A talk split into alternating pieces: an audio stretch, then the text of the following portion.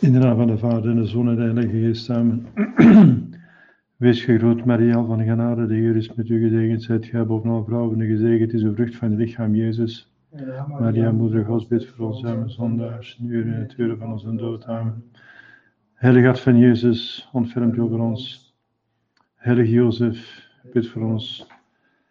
Onze heilige patronen, bid voor ons. Heilige engelbewaarders, bid voor ons. Alle engelen, godsdienste heiligen, bid voor ons in de naam van de Vader en de Zoon en de Heilige Geest. Amen.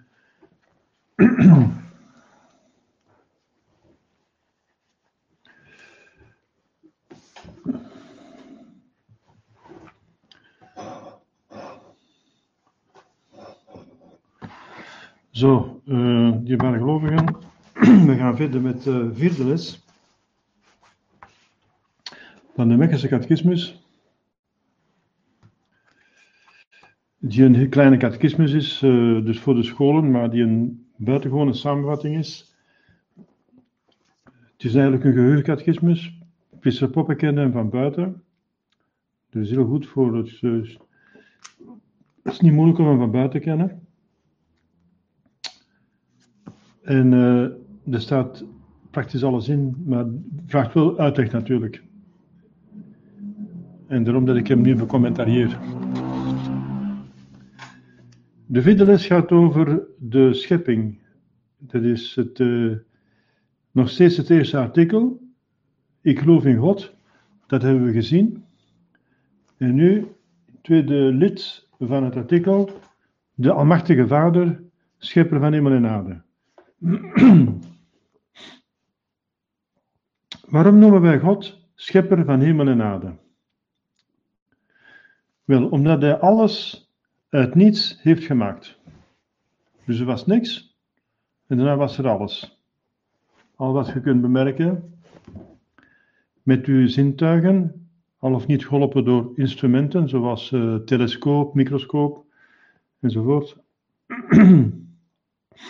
en alles wat je niet kunt zien, zoals uh, uw verstand kunt je niet zien, maar je hebt toch verstand. Uw vrije wil kunt je niet zien, de liefde kun je niet zien, de trouw kun je niet zien, God kun je niet zien, de ziel kun je niet zien. En uh, dat alles, uh, dat is dus het universum. En God heeft uh, alles wat uh, dus God niet is, maar toch bestaat, dat heeft God geschapen. Ja, maar kunt je zeggen, God heeft toch geen computer geschapen? nee, niet rechtstreeks, maar wel onrechtstreeks. Een computer komt van materiële elementen van mensen, heeft de mensen geschapen, heeft de materiële elementen geschapen. De plastic, dat komt van petroleum, dat komt van de, van de, van de bomen. Brood heeft God ook niet geschapen, maar wel onrechtstreeks, want hij heeft de bakken geschapen, het graan geschapen enzovoort. De boer geschapen. De boer heeft ook niet veel. Uh, ja, maar de boer die komt van zijn ouders. Ja, maar de boer, zijn ziel komt rechtstreeks van God. Bij de conceptie, bij de verwekking heeft God de ziel geschapen en in de embryo gestort. En de embryo komt van zijn ouders, inderdaad. Maar die hebben dan ook weer gekregen van hun ouders, enzovoort, enzovoort. Tot we teruggaan naar Adam en Eva, die door God zijn geschapen. Kunt je zeggen, is Eva geschapen? Want de definitie van scheppen is dan uh, alles maken uit niets, of iets maken uit niets. Tenminste, scheppen in de strikte zin van het woord. Want je scheppen in de brede zin van het woord. En dan kun je zeggen, ja, de, de architect schept een huis, de, de kunstenaar schept een kunstwerk. Dat is in de brede zin, in de oneigenlijke zin van het woord.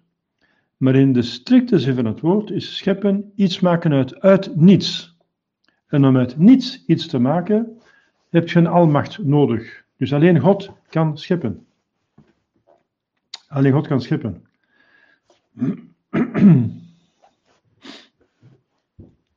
Eva is aan Eva geschapen. Uh, ja, we zeggen dat Adam en Eva geschapen zijn, dat zeggen we wel. Hoewel dat ze niet uit niets geschapen zijn. Adam is geschapen uit klei en Eva uit de riep van Adam. Dus ze zijn wel uit iets geschapen, maar omdat die klei en die riep dan ook weer van God komen en die werkelijk uh, te verwaarlozen zijn materiaal zijn in vergelijking met het resultaat, zegt men toch dat Adam en Eva door God geschapen zijn. In ieder geval, uh, Dus in strikte zin is het iets maken uit, uit niets. En bijvoorbeeld wij, onze ziel is uit niets geschapen, dus God schept telkens de ziel bij de verwekking, maar het lichaam komt dus van Adam en Eva, die dan uiteindelijk met de klei en met de rib en met de klei, dus uiteindelijk van God komen. Dus alles komt van God. En alles, dus je kunt toch zeggen, in waarheid, God heeft alles uit niets geschapen. Dus die objectie, die tegenwerping, ja, maar uh, uh, dat brood hier, uh, dus als je bidt voor het eten, dank u voor het, het voedsel dat wij uit uw hand ontvangen. opwerping van een atheïst, dat komt niet van God, dat komt van een bakker of van de supermarkt. Kun je zeggen, ja, dat is omdat je niet ver genoeg doordenkt. Hè? De bakker komt uiteindelijk ook van God en de supermarkt die is ook niet uit het niets geschapen. Dat komt allemaal van elementen. Hè? IJzer, plastic, uh, enzovoort, hout, er zit van alles in om een supermarkt te maken. En dat komt allemaal van uh, andere elementen. En van andere elementen. En uiteindelijk komt het dan van de bomen en van, uh, van petroleum enzovoort. En van de mensen. En die zijn toch uiteindelijk door God geschapen. Dus als men ver genoeg denkt, diep genoeg gaat, komt men altijd God tegen dan ziet men dat God de oorsprong is en het einddoel van alle dingen. Dus hij is schepper in de strikte zin van het woord. Hij is alles uit niets geschapen. En dus schepping komt alleen maar aan hem toe. De schepping in de strikte zin. Dus niemand anders die iets uit niets kan maken. Dus God, God is schepper van hemel en aarde omdat God alles uit niets heeft gemaakt. Dus alles is ook heel letterlijk te nemen. Rechtstreeks of onrechtstreeks. Waarom wordt de schepping toegeschreven aan God de Vader? Ja, dat is een kwestie van toeschrijving. Toeschrijving. Dat hebben we gezien in vraag 35 vorige keer, dat sommige goddelijke eigenschappen toegeschreven worden aan één bepaalde persoon van de drievuldigheid in het bijzonder. Dus de schepping wordt toegeschreven aan God de Vader, terwijl in werkelijkheid de drie personen tezamen geschapen hebben. Want God heeft geschapen. Het is God die geschapen heeft. En God heeft, is drie personen. Dus al drie personen zijn evengoed die ene God. Die ene God is drie personen. Dus uh, al wat God doet, hebben de drie personen gedaan. Uh, maar het wordt toegeschreven aan de Vader omdat ze een werk is van Gods almacht. Een vader, dat is iemand ja, die een zoon voortbrengt. En om een zoon voor te brengen moet je normaal al uh, de middelen hebben om een kind uh, te onderhouden, op te voeden enzovoort. Dus je moet werk hebben, je moet van alles weten en van alles kunnen doen en je moet middelen hebben. Dus je moet zeker rijkdom hebben. Je moet ook een vrouw hebben natuurlijk. Bij God was dat niet nodig, want hij is almachtig, dus dat is geen vrouw nodig. Maar uh, in ieder geval, het feit dat een vader iets voortbrengt, wijs is, een verstand heeft, want die moet kunnen werken, die moet kunnen zijn gezin, die moet kunnen dus voor zijn opvoeding van zijn kinderen kunnen uh, financieren. dus die weet al van alles en die kan al van alles en die brengt kinderen voort. Een zoon, die brengt een zoon voort, kind voort. Wel, ehm, het is erom dat God de Vader ook Vader wordt genoemd, omdat hij de twee andere personen voortbrengt. Hè? Dus hij verwekt de Zoon door, met een, door een act van intelligentie, zoals de, het verstand um, uh, een idee voortbrengt. Het is op die manier dat de Vader de Zoon voortbrengt. Wel omdat dus uh, de, de, het voortbrengen, dus het verwekken van de zoon aan de vader wordt toegeschreven. Uh, en dat is ook zo, dat wordt niet alleen toegeschreven, maar dat is ook zo, dat is de, de verwekking van de zoon komt van de vader, dat is in werkelijkheid zo, dat is niet alleen toegeschreven, maar dat is in werkelijkheid zo. Wordt ook de schepping aan de vader toegeschreven. Want om de schepping te doen moet je, zoals ik zeg, te juist in de vorige vraag, almachtig zijn. Maar je moet ook oneindig wijs zijn, want die schepping zit buitengewoon goed in elkaar. Dat is ongelooflijk, hè? Hoe dat uh, ieder schepsel in elkaar zit, op zo'n manier dat de wetenschap na duizenden jaren en met miljarden mensen die op aarde zijn, nog steeds niet alles heeft verklaard wat er bestaat. Zo intelligent zit in elkaar. Dus je moet een buitengewoon intelligentie hebben, een buitengewone almacht. En omdat intelligentie en macht meestal dus uh, wordt toegeschreven bij ons in onze maatschappij, enfin in een normale maatschappij tenminste. In een decadente maatschappij is nog iets anders, spijtig genoeg. Maar in een normale maatschappij zijn het pater familias, dus de vader die dus al van alles weet en van alles kan. Daarom wordt de schepping aan God de Vader toegeschreven. Tot welk doel heeft God hemel en aarde gemaakt? Wel, hij heeft dat gedaan tot zijn eigen glorie en ook tot geluk van zijn redelijke schepselen. Tot zijn eigen glorie. Dus God heeft dat gedaan. Wat is de glorie? De glorie is de publieke kennis van de uitstekendheid van de volmaaktheden, in dit geval van God, dus vooral van de goedheid.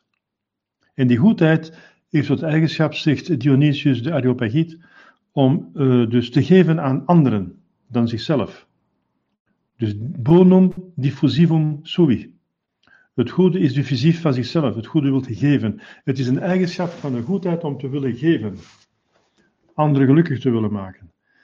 En omdat God oneindig goed is, wil hij anderen oneindig gelukkig maken. En die anderen die bestaan niet. Buiten zichzelf, dus heeft ze willen en moeten, heeft ze willen scheppen, heeft ze geschapen.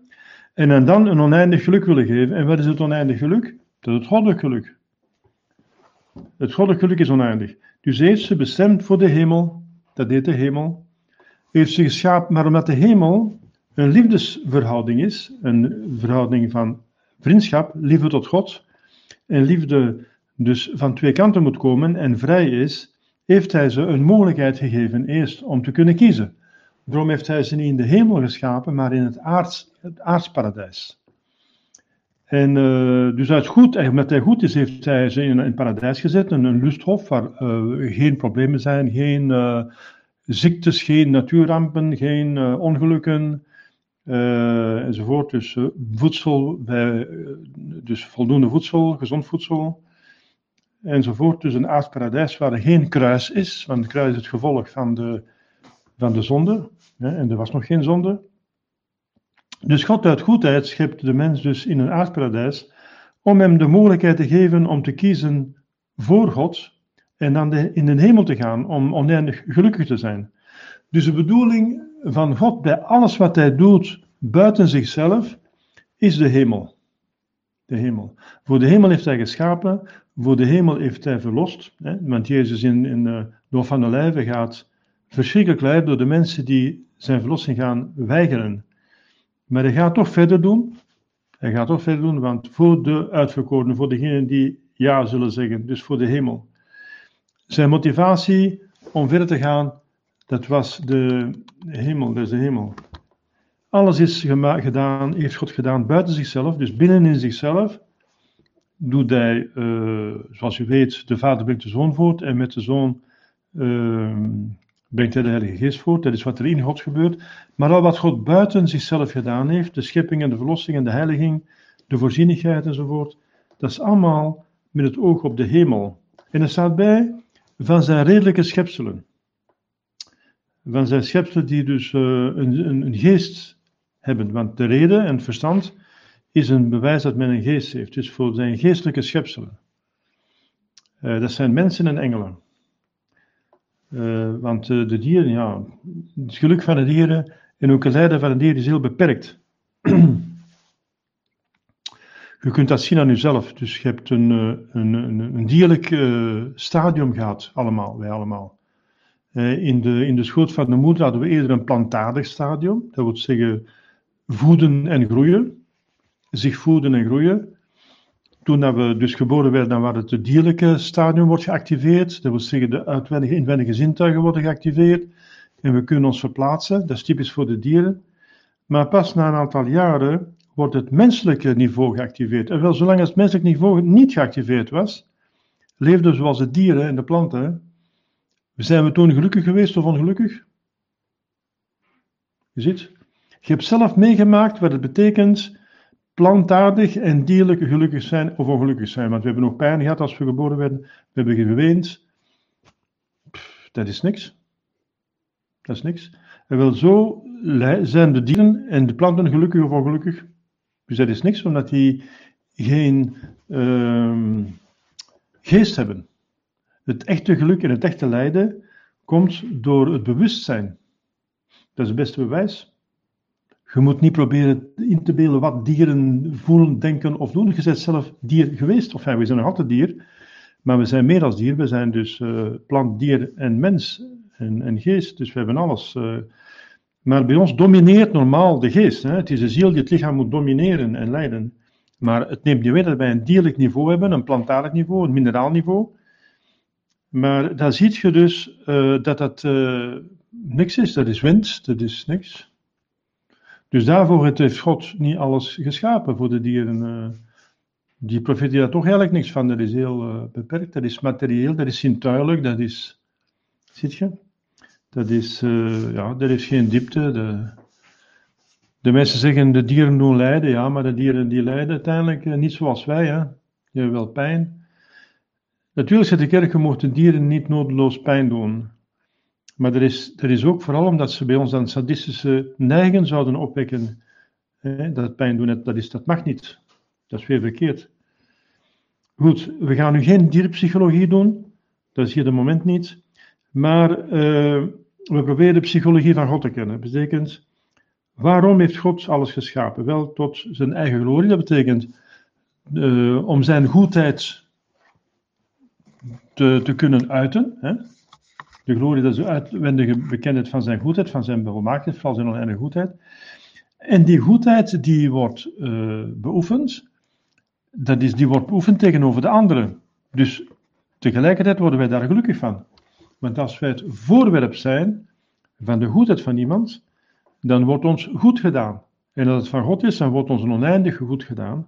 Daarom bestaat, is de glorie van God en het geluk van de zielen, het heil van de zielen, is eigenlijk hetzelfde. De glorie van God komt tot uiting door het heil van de zielen. En het heil van de zielen is Gods glorie. Het is Gods glorie dat de zielen gelukkig zijn in de hemel. Dat is zijn glorie.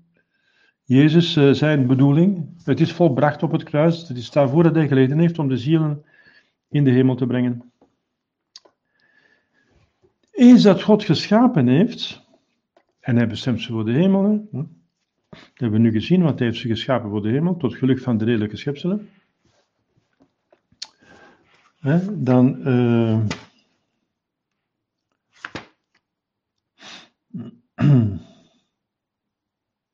Trouwens, dat we voor de hemel bestemd zijn, staat steeds in vraag 3. De christelijke leer is een noodzakelijkste van alle leringen, omdat ze ons leert wat we moeten weten en doen om zalig te worden. Dat is het doel. Om, hè, het waarom is wel zalig worden. Wel, nee, dat God uh, de mens dus alles geschapen heeft, hou het daarbij op. Dus draagt God ook zorg voor al zijn schepselen. Dat tegen de vrijmetselarij die zegt, ja, God is een grote architect, hè, een passer en een, uh, en een, een, een, een, een, een, een, een winkelaak, hè, symbool van de vrijmetselarij. God is een grote architect en voor de rest hij ons doen. Hè. Op de er vrijheid van te doen wat we willen. Dus we mogen abortus plegen, euthanasie, echtscheiding, uh, homoseksualiteit. We zijn vrij. Voilà. God houdt zich niet meer bezig met de, met de aarde. Dat is niet waar. Nee, in tegendeel. Hij bestemt ons voor de hemel en hij geeft ons een middel daarvoor. En de middelen zijn dus de tien geboden, de sacramenten enzovoort, dat is de katholieke kerk. Maar daar zullen we het later over hebben. Dus draagt God zorg voor al zijn schepselen? Wel ja, dus dat heten, dat heten we de heilige, de heilige voorzienigheid. De goddelijke voorzienigheid. Dus God draagt zorg voor al zijn schepselen. Ook voor de mineraal, dus voor het heelal. En dat delegeert hij zoveel hij kan aan de engelen. Hij delegeert zoveel mogelijk als hij kan. Hij delegeert alleen maar dingen niet die niet kunnen gedelegeerd worden, zoals de schepping. Die kan niet gedelegeerd worden. Tenminste, niet de schepping van de belangrijkste zaken, zoals de geesten, de schepping van het lichaam, ja, daar laat hij toch gedeeltelijk de ouders bij, dus um, delegeert de ouders. De ouders werken mee aan de schepping van de mens, maar dan zijn lichaam. Uh, alhoewel die schepping gewoon heel beperkt is. Hè? Want uh, de zaadcel en de eicel komen dan ook weer van God, dus hij is geschapen, dus zoveel. maar ja, de mens die collaboreert een klein beetje toch. Um, God delegeert uit goedheid. Het behoort ook aan de goedheid om te delegeren, om te geven. Delegatie is ook een gave. Je geeft aan anderen de mogelijkheid om mee te werken aan een prachtig werk. De schepping en de verlossing. De schepping aan de ouders en de, de verlossing aan de kerk.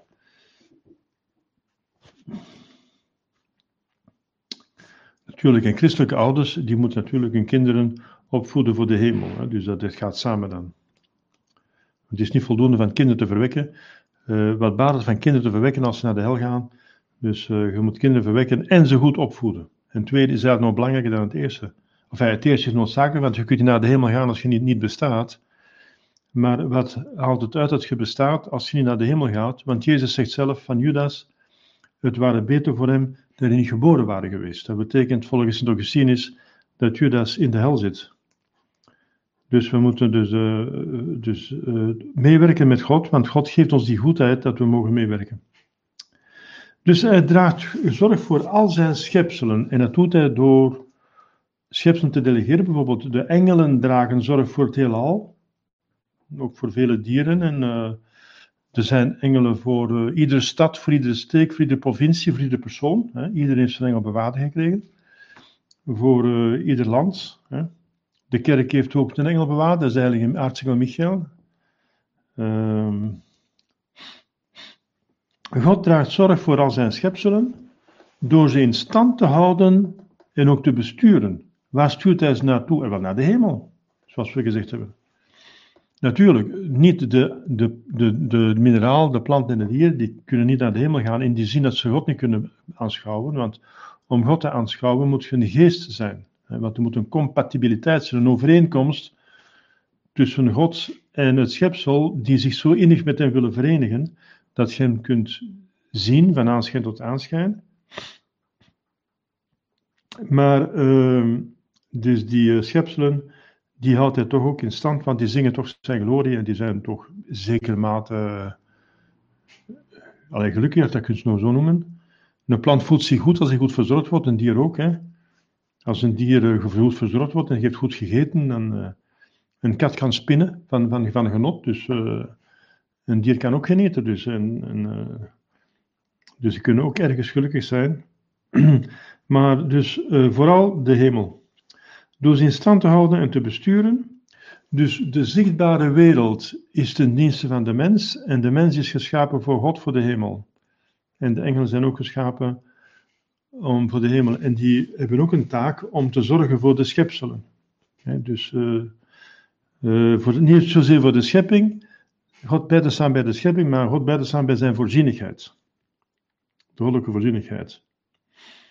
En te besturen.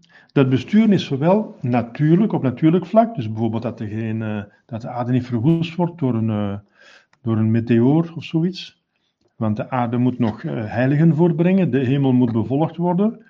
Dus God laat niet toe dat er een ongeluk gebeurt uh, met al die planeten die uh, rondvliegen in, de, in het heelal. Dus het is een natuurlijk bestuur, dus op natuurlijk vlak, dat de aarde niet verwoest wordt, dat er niet te veel... ja, iedereen heeft zijn engel bewaard, hè, dus we mogen niet sterven voordat het God het voorzien heeft. Of iets, iets gebeuren wat God niet wilt. er komen de engelen tussen. Uh, maar, dus ook voor op bovennatuurlijk vlak. Hè. Dus eh, God bestuurt ook zijn kerk, vooral zijn kerk, want hij bestuurt ze in die zin, waar rijden we naartoe, zoals ik zei, naar de hemel. Dus hij stuurt alles naar de hemel, de mensen rechtstreeks en de engelen rechtstreeks, uh, maar hij wacht op hun vrijwillige medewerking. En de, de andere zichtbare wereld, dus de mineralen, planten en dieren, die staan ter beschikking van de mens. Dat is het domein van de mens. Die worden met de mens uh, gelukkig geschapen, dat is paradijs. Die worden met de mens gestraft, want de aarde zou na de zonneval uh, uh, doornen en distelen voorbrengen. Er zouden natuurrampen gebeuren enzovoort. Je ziet dat de aarde nu door de zonde van de mensen wordt gepollueerd en wordt mishandeld voor een groot deel. de aarde wordt niet zo goed verzorgd door, door bepaalde mensen. Dus ze leidt eronder. Zoals Sint Paulus zegt, de ganse schepping zucht en lijdt en wacht op de openbaringen van de kinderen van God. Want als wij uh, naar de hemel gaan, gaat er ook komen een nieuwe hemel en een nieuwe aarde. Want God verwoest niet wat hij eens geschapen heeft. In de grote lijnen verwoest hij. Dus God heeft ook een karakter, een manier van handelen. Wel, een van de eigenschappen van zijn karakter is dat hij niet verwoest wat hij eens geschapen heeft. Zelfs de duivel heeft hij niet vernietigd. Dus hij laat bestaan. Uh, ook het aardparadijs bestaat nog steeds. Hè.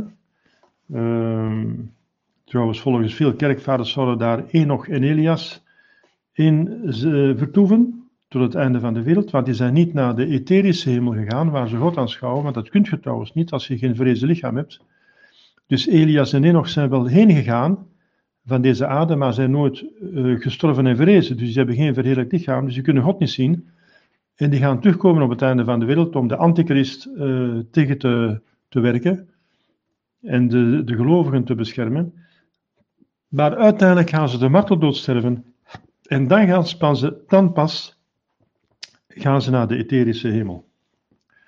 Dus als deze zorg van God op natuurlijk vlak en op bovennatuurlijk vlak om voor zijn schepsel te zorgen, ze in stand te houden en ze te besturen en naar de hemel te brengen, uh, vooral de mensen en de, en de engelen de, en de, de anderen, dat is in functie van de mensen en de engelen.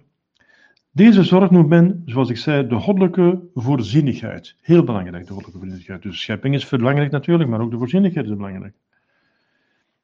Welke zijn de volmaaktste schepselen? Want je hebt, uh, zoals ik zei, verschillende uh, niveaus. Hè? Ik heb al gesproken van, gesproken van mineralen, dat zijn de dode stof, maar die kan heel mooi zijn. Diamant, uh, edelstenen, dat is prachtig. Hè? De, de, planeten, de aarde. Als je van ver ziet, dus een, de, als je in de bergen van Zwitserland zit, dan, dan zegt je u tegen. Hm? Dus die kunnen mooi zijn en, en nuttig en zo.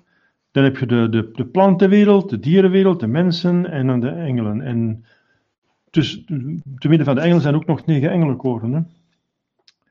Dus wat zijn de volmaaktste schepselen? Wel, de engelen en de mensen. Waarom? Omdat die een ziel hebben. En daar gaan we het nu over hebben. Dus je gaat eerst eh, over de engelen spreken, want die zijn nog belangrijker dan de mensen ergens. En ergens dan ook weer niet. Ergens wel, want die zijn uh, van nature staan ze boven de mens, want ze hebben geen materie, ze zijn zuivere geest, dus ze gelijken wat dat betreft meer op God. Maar op bovennatuurlijk gebied steken we ze voorbij, want uh, God is mens geworden. God is geen engel geworden, maar is mens geworden.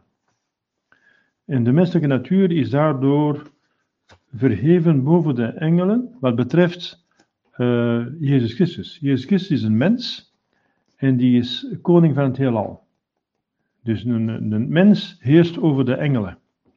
Mens Jezus en mens Maria, koningin van de engelen. Koning en koningin van de engelen. Dus op dat punt heeft de mens dan weer de engel voorbijgestoken, maar is meer op bovennatuurlijk vlak. Op natuurlijk vlak heeft de engel een, een, een edeler natuur dan wij. We zullen nog zien later waarom dat God gekozen heeft van toch mens te worden. Ik kan het nu al zeggen, omdat als hij mens wordt, verenigt hij zich met zijn ganse schepping. Met alle schepping dus. Want de mens heeft een mineraalniveau, een, een plantaarniveau, een dierlijk niveau, een geestelijk niveau. Uh, dus, en dan, uh, als God mens wordt, dan heeft hij, is hij meteen verenigd met, uh, in de mens, is een microcosmos, is hij dus via de mens verenigd met zijn ganse schepsel. Met zijn ganse schepping, met alle schepselen, alle categorieën van schepselen. Dus God houdt zodanig van zijn schepselen dat hij uh, zich onder hen wil vertoeven en zelfs één met hen wil worden. En dat is gebeurd in de menswording. Ook al is de menswording gebeurd niet om zomaar zich met de mensen en met de schepsel te verenigen, maar om ons te verlossen. Dat zijn dus de concrete omstandigheden van de menswording, is de verlossing. Propter nostam salutem descenite celis. Hij is omwille van ons heil uit de hemel neergedaald. Dus we komen terug naar de engelen. Die zijn van nature uit, zoals ik zei, de edelste, want die zijn zuiver, puur, louter geest, hè, zoals God. Engelen zijn dus zuivere, in de zin niet van proper, want de duivels zijn ook uh, geesten, zuivere geesten, zuivere geesten, maar die zijn niet uh, proper. Die zijn bevuild door de zonde. Maar zuiver in de zin van louter. loutere geest. Dus een duivel is loutere geest. Hè. Dus zuiver heeft twee betekenissen wat zeggen proper, dus uh, niet vuil, ofwel louter, alleen maar. Hè? Bijvoorbeeld zuiver goud, dat is alleen maar goud. Hè? Maar het kan vuil zijn, dus, enfin, dus uh, ja. We zeggen dus, uh, kan in stof liggen of in slijk, maar dat betekent dat die klomp toch zuiver goud is, op zichzelf. Dus zuiver, in die zin, engelen zijn zuivere geesten, dat wil dus zeggen propere geesten, want de duivels zijn vuile geesten. Hè? Zijn vuile, als de, de, zon is een vuil, de, de zonde is een vuiligheid. Dus het zijn loutere geesten, dus dat wil zeggen, ze hebben geen materie. Dus engelen zijn zuiver in de zin loutere geesten, die God heeft geschapen. Al die engelen heeft hij geschapen, ook de gevallen engelen, dus heeft hij geschapen om hem te loven en te dienen. Dat was de bedoeling. Om het geluk van de hemel te genieten. Hij zal hetzelfde zeggen van de mens. Juist voor dezelfde reden als hij de mens geschapen heeft. Om hem te loven en te dienen en om het geluk van de hemel te genieten. Want uh, dat gaan we laten zien. Waar, dus, dus, waartoe heeft God de mens geschapen en wat zijn dezelfde redenen?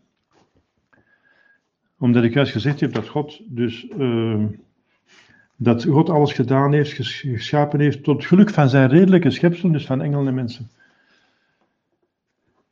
Dus um, vermits dat de hemel, zoals ik zei, een toestand is van vriendschap en van, van liefde, en liefde als eigenschap heeft vrij te zijn en van twee kanten te komen. Eén uh, kan het initiatief nemen, bijvoorbeeld iemand kan een vrouw willen trouwen en die het initiatief om, om maar voor te stellen van uh, te trouwen.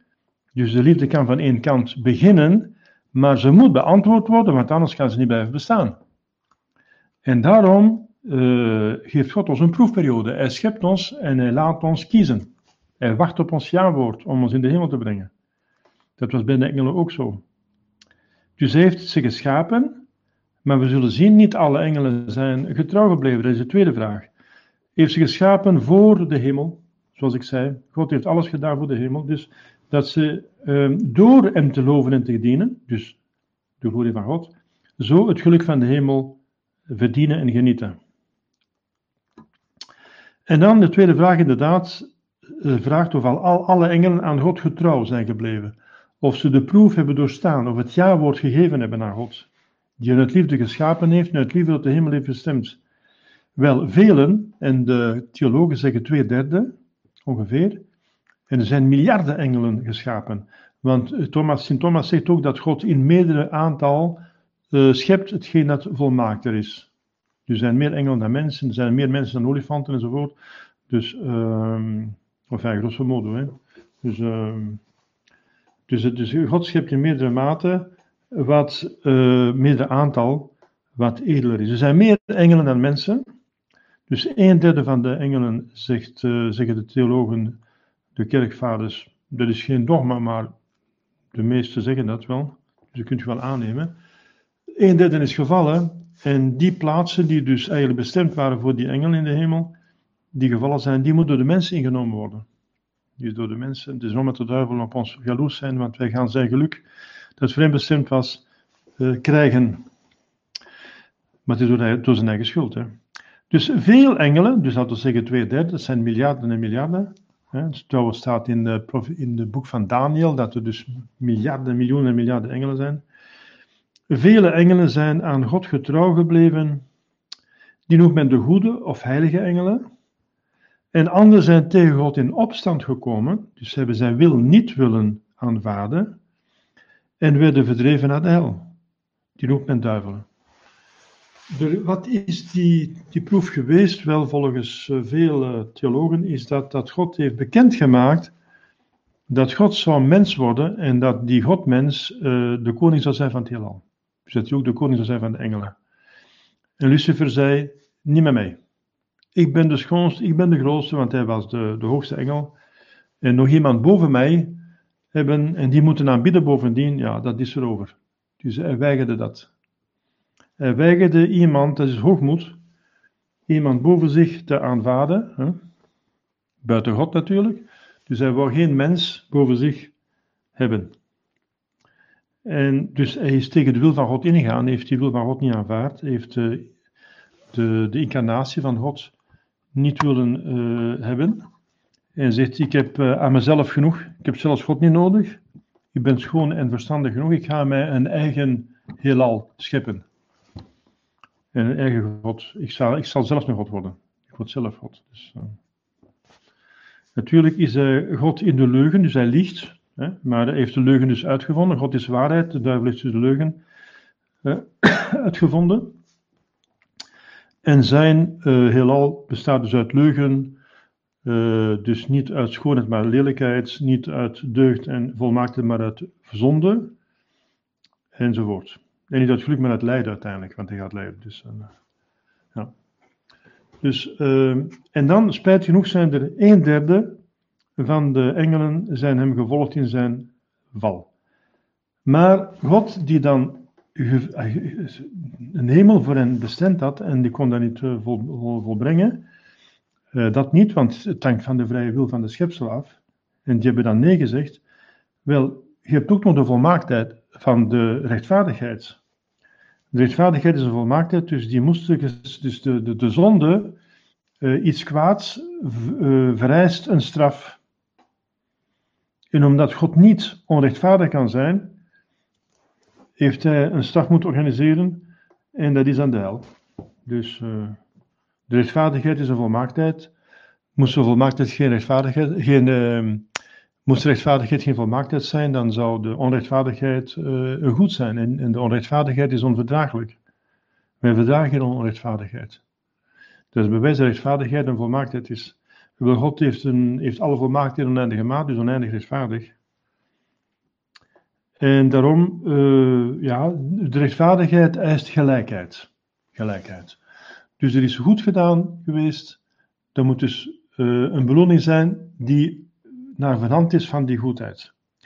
Er is kwaad gebeurd, er moet een staf komen die proportioneel is aan het kwaad. Je hebt 500 euro gestolen, je moet 500 euro teruggeven. Je hebt 10.000 euro gestolen, je moet 10.000 euro teruggeven.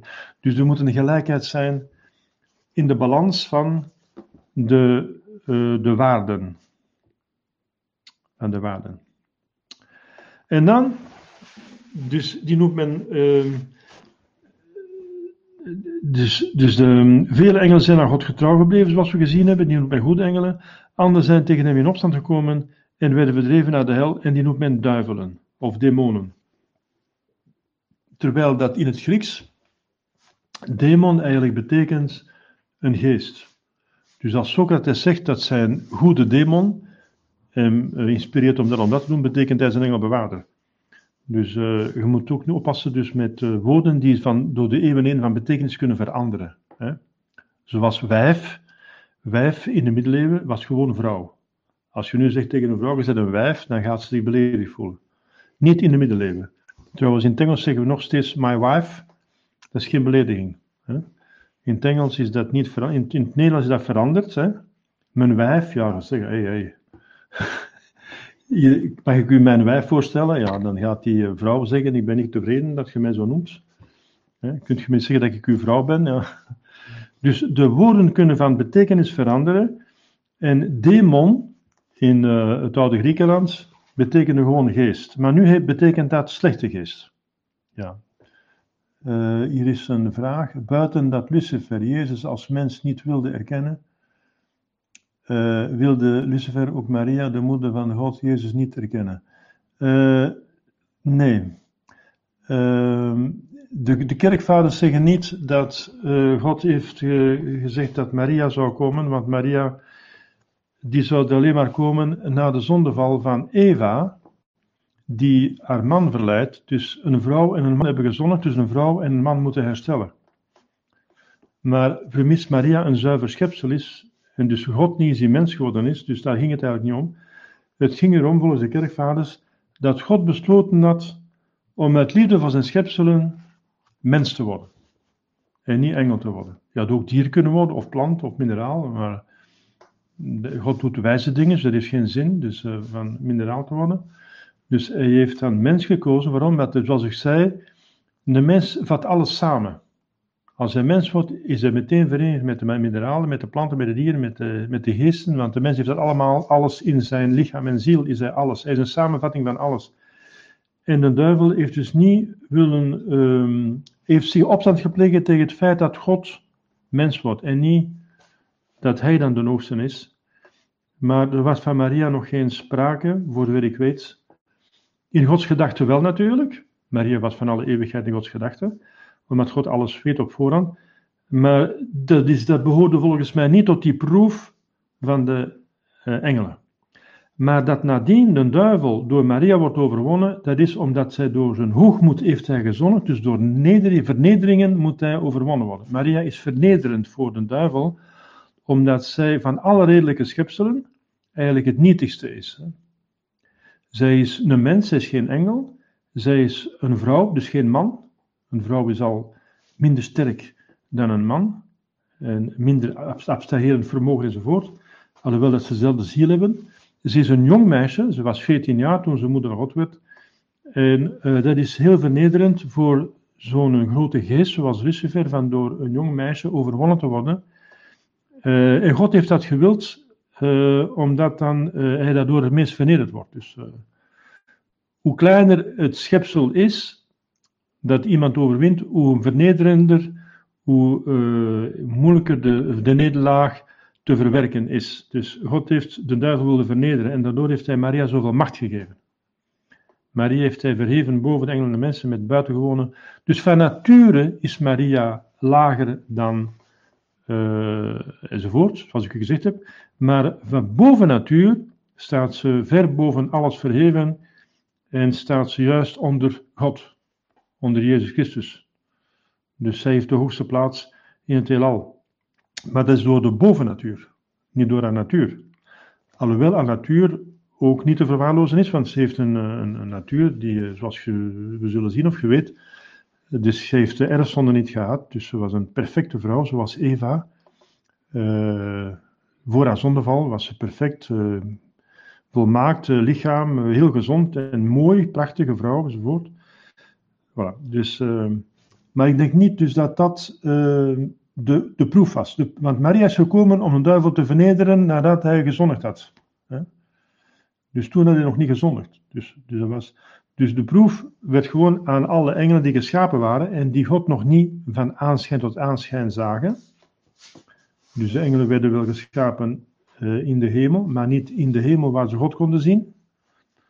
Uh, zoals uh, uh, Enoch en uh, Elias, zoals ik zei, ook in de hemel zijn, maar dat is niet de hemel, uh, de etherische hemel.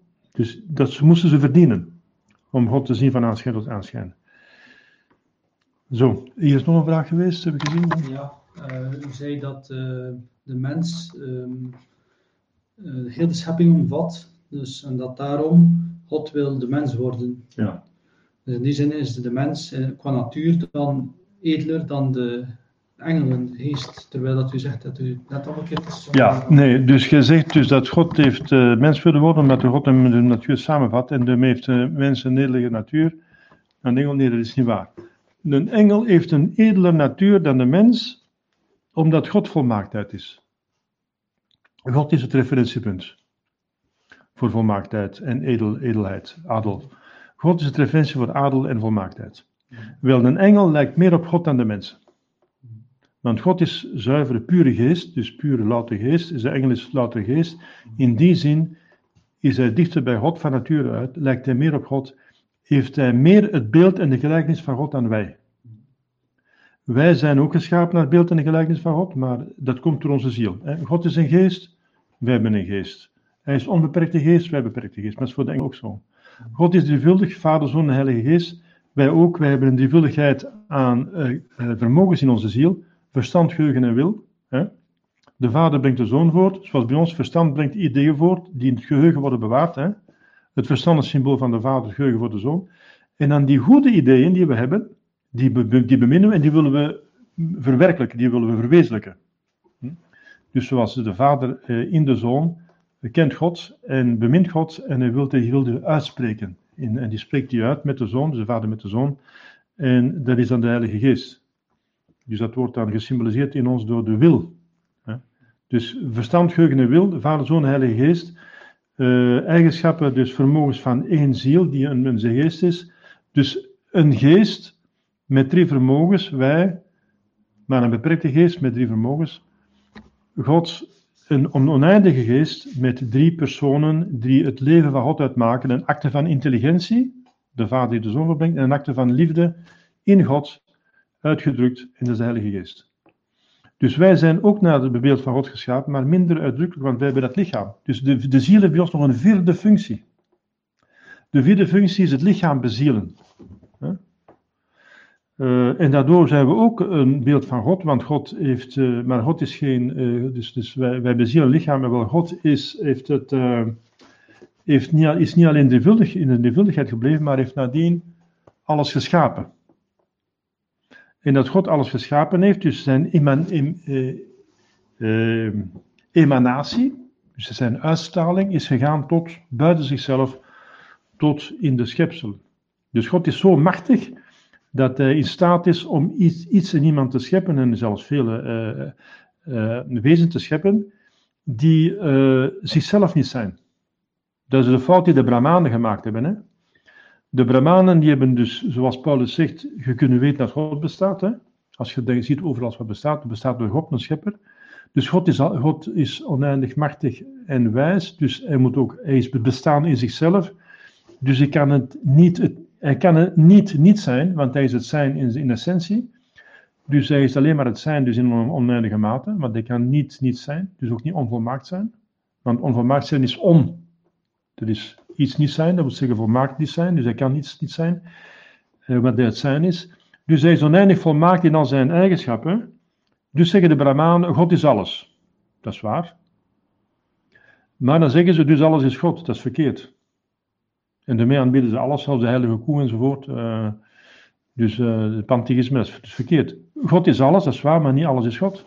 Want God is zodanig machtig en wijs dat hij iets kan scheppen dat hij zelf, hemzelf niet is. Maar wel een, emanatie van zichzelf, naar zijn beeld en glorie geschapen.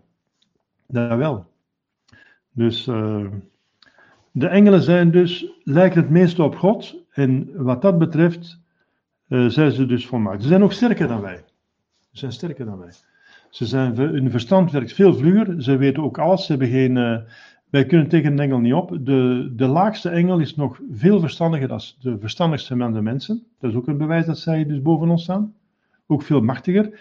Engelen kunnen materie verplaatsen, die kunnen planeten verplaatsen met hun wil. Dus een engel kan materie verplaatsen. Dus daarmee kan hij ook ons uh, bekoren. Hij kan, een duivel kan in onze hersenen uh, de, het, van de fantasie manipuleren, zodat we dus bekoord worden door onze eigen, dus door beelden die we gezien hebben, naar boven te halen enzovoort. Dus dat kan de duivel allemaal. En, ehm, dus hij kan materie verplaatsen. Dus ook, dus, dus, en, dus, wat, wat dat betreft is hij machtiger dan wij. Zoals wij machtiger zijn dan de, dan de, dan de dieren, als we ons verstand gebruiken, kunnen wij alle dieren de baas. Ook een olifant of een, een, een, neushoorn of machtige dieren, tijger, de leeuw. Wij kunnen alle dieren aan als we ons verstand maar gebruiken. En ons verstand staan we boven de dieren. Als we goed georganiseerd zijn, kunnen we alle dieren de baas. En de dieren kunnen de planten de baas. En de planten kunnen de mineraal de baas. De planten die zuigen de mineraal, die, eh, die, een plant die, die neemt het water tot zich en, en de aarde en, en, die gebruikt de zon en de lucht. Dus die gebruikt de mineralen, dus die domineert de mineralen. De dieren die, die, die zijn sterker dan de planten, die eten de planten op enzovoort. De plant kan zich daar niet tegen verdedigen of nauwelijks. Hè? Een cactus, maar ja, eh, een cactus, dat is, hoe dat je hem aanpakt. Hè? Dus uh, kun je hem dus natuurlijk ook, dus de baas enzovoort. Dus de planten zijn sterker dan de mineralen, de dieren zijn sterker dan de planten, de mensen zijn sterker dan de dieren, maar de engelen zijn sterker dan de mensen. Want dat zal ik nog wel zeggen, als het over exorcisme gaat ooit, dat is het principe van exorcisme, dat je weet dat je als mens tegen een duivel niet op kunt, want hij staat boven u. Dus je kunt alleen maar, wie staat boven de engelen? God alleen. Dus je kunt alleen maar een duivel verslaan als je God ter hulp roept. Dus in de naam van God, in de naam van Jezus. En anders kun je een duivel niet verdrijven. Dus heel belangrijk om te weten dat de engel een, een natuur is die boven ons staat. Van nature. Veel verstandiger, ook veel vlugger. Een engel weet alles van alles, voor zover dat mogelijk is voor een schepsel om alles te weten. Hij weet natuurlijk zoveel niet als God. Hij kent niet de toekomstige dingen die van de vrije wil afhangen. Maar hij weet alles wat er ooit te weten kan zijn, wat wij door onze wetenschap kunnen achterhalen, weten reeds al lang, heel lang. Dat weten de, engelen. Weten dat zonder te studeren, weten ze dat. En wij moeten daar heel lang over studeren. We moeten opzoekingen doen, we moeten uh, veel moeten doen om van alles weten te komen. Dus dat is al een bewijs van de superioriteit van de engelen. Ja? En toch heeft God besloten van mens te worden. Dus omdat de mens alles samenvat. En ja, dus en heeft, we willen dus met zijn ganse schepping willen uh, verenigd zijn. Trachten de duivel ons kwaad te doen. Ah ja. De duivelen die trachten ons kwaad te doen, uit haat tegen God en uit nijd tegen de mensen. Haat tegen God, want uh, ja, om een onverklaarbare reden uh, haten ze God natuurlijk, want Sint Augustinus zegt, uh, er zijn twee steden de stad Gods en de stad van de duivel. De stad God, dat is, die is gebouwd, al die twee steden zijn gebouwd op liefde. De stad Gods is gebouwd uit liefde tot God, tot minachting van zichzelf.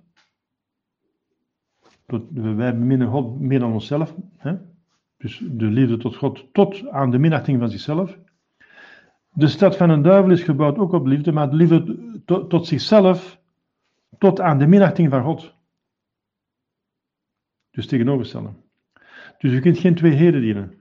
Dus uit haat tegen God, waarom? Omdat ze zichzelf beminnen, ze zichzelf tot God gemaakt heeft. En er kunnen geen twee goden zijn, dus uh, moet je God wel verwerpen. Dat is natuurlijk waanzin, maar even het toch gedaan. Uh, nou, het is een mysterie. Alle, alle zonde is mysterie. Je kunt zeggen, waarom heeft een duivel gezondigd? Waarom heeft Adam en Eva gezondigd? Waarom zondigen de mensen? Waarom, waarom heb jij ooit gezondigd?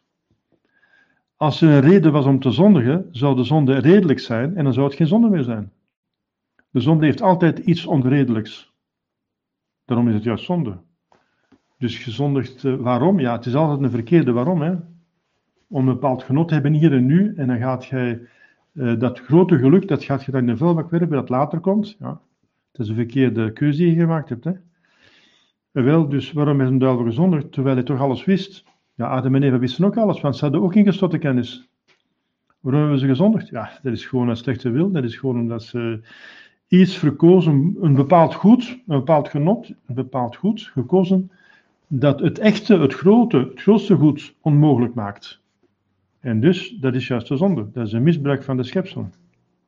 In dit geval heeft een duivel zichzelf bemind boven God. Dus hij was inderdaad het mooiste, het grootste, het verstandigste, het machtigste wezen dat er bestond uh, uh, buiten God. Dus uh, ja. En wil die plaats niet afstaan aan Jezus Christus. Blijkbaar, hè, volgens de meeste kerkvaders. Dus het haat tegen God en ook nijd, dus jaloersheid betekent dat, nijd, jaloersheid tegen de mensen. Jaloers op de mens, waarom? Ja, omdat de mens nog steeds naar de hemel kan gaan en gelukkig eh, kan worden en zij niet meer. Uh, en ook omdat de mens geschapen is naar het beeld en de gelijkenis van God. Dus, uh, en ze haten God, dus ze moeten ook de mens.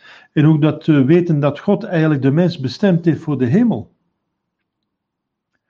En ze willen dat plan van God onderuit halen uit tegen God. Ze wil niet dat de mensen naar de hemel gaan, want dat, zou, dat is de glorie van God juist. De glorie van God is juist dat de mensen naar de hemel gaan. En ze willen dat God uh, verheerlijkt wordt. Ze willen de mensen dus naar de hel brengen. Het haat tegen God en nijd tegen de mensen. Vooral door ons tot de zonde te bekoren. Dus God heeft ons ziel op het oog, vooral ons, onze wil. En de duivel heeft ook onze wil op het oog. Want de wil bepaalt over goed en kwaad. Maar de wil natuurlijk heeft verstand nodig. Want je kunt niet willen wat je niet kent. Het verstand hoort er natuurlijk bij. Dus, maar het gaat hem op de wil. Het goede willen of het kwade willen. Daarom als Jezus geboren werd, zongen de engelen, vrede op aarde, vrede met God betekent dat. Hè? Want Jezus is binnen het zwaard komen brengen onder, onder de mensen. Dat wil zeggen, je ziet wat de, het christendom heeft teweeggebracht aan vervolgingen enzovoort. De eerste drie eeuwen was een bloedige vervolging, dus er was geen vrede op aarde. Dus, eh, maar vrede op aarde wil zeggen vrede met God op aarde, aan alle mensen van goede wil. Dus niet die van slechte wil. Die hebben geen vrede met God, die hebben oorlog met God.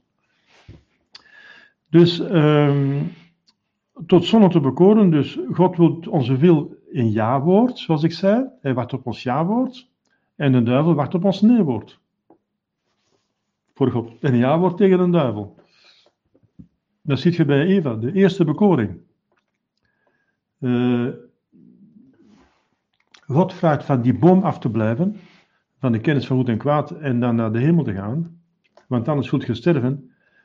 En de slang zegt, belangen niet, je gaat niet sterven, dus God is een leugenaar. En trouwens, hij wil niet dat je God wordt zoals hij, dus je zult God worden, je zult inderdaad, inderdaad goddelijke eigenschappen krijgen. Wauw. Dus hij, hij, hij wil niet dat je gelijk als hem wordt, dus uh, hij is slecht. Dus hij wil niet dat je gelukkig wordt, dat je God wordt. Dus hij is een leugenaar en een slechterik. Dus dat zegt een duivel. En Eva, in plaats van God te geloven, zij gelooft de duivel. En daarna gaat ze zeggen tegen God, ja, die slang, die slang die hij geschapen heeft, die heeft mij bedrogen. Ja. Dus zij bekent wel dat ze bedrogen geweest is, maar ze gaat de schuld nog op God schuiven, die dan die slang geschapen heeft. Ja, God heeft de slang wel geschapen, maar niet een duivel die erachter zat. Heeft een duivel niet als zodanig geschapen, heeft uh, engel geschapen en een dus in zijn zijn is hij goed, maar in zijn doen is hij door het eigen vrije wil slecht geworden. Dus heeft, heeft God de duivel geschapen? Ja en nee, ja als engel, maar niet als duivel. Als engel ja, maar de bedoeling was dat hij door zijn ja-woord naar de hemel zou gaan. En dat hij daar neergezet dat is zijn eigen verantwoordelijkheid. Dat is bij de mensen ook zo. Dus vooral door ons tot zonne te bekoren. God wil ons heilig naar de hemel brengen, wacht ons op ja-woord. En een duivel wacht dat we nee zeggen tegen God. Dus het gaat, ze solliciteren onze wil. En die proberen ze te bereiken via ons verstand natuurlijk, en onze fantasie, onze gevoelens, en, eh, enzovoort, enzovoort. Maar zij kunnen ons niet tot de zonde brengen zonder onze vrije toestemming. Dus ik heb wel een, één persoon, een, een principe gegeven om de duivel te, te overwinnen. Alleen God is sterker. Hm? Dus alleen priesters die in naam van God werken, of heiligen die zodanig goed met God staan dat ze dus behoorlijke macht hebben gekregen, die kunnen duivels verdrijven. Hè? De heilige Hildegard van Bingen, die verdreef de duivel door gewoon kruisteken te maken. Wel, alleen God is sterker, maar er is een tweede uh, element, dat je moet weten, uh, dus om de duivels te overwinnen, dat wil zeggen, ze kunnen ons niks, geen kwaad doen, tenminste aan onze ziel, dus aan onze eeuwigheid, zonder onze toestemming. De duivel heeft zoveel macht als dat we hem geven. Dat is heel het principe. Ze kunnen ons niet tot zonde brengen zonder onze vrije toestemming. Dus een duivel is zoals een, wilde luipaard, een tijger die aan een ketting vastzit. Zolang als jij niet in het bereik van die ketting komt, kan hij je niks doen. Hij kan wel zitten brullen en u bedreigen en lelijke gezichten trekken, maar hij kan u niks kwaad doen, zolang als jij zelf niet u binnen dat bereik van die ketting brengt. Ziet je? Dus zij kunnen ons niet tot zonde brengen zonder onze vrije toestemming. En dat is ook zo met de bezetenheid. Een bezetenheid komt altijd doordat mensen dat, uh, de oorzaak van zijn.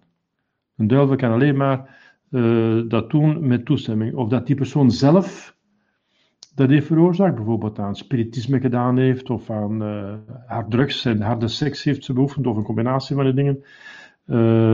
of ehm, ja, aan, aan voodoo gedaan heeft of zo, uh, dan dat zijn redenen om bezeten te geraken.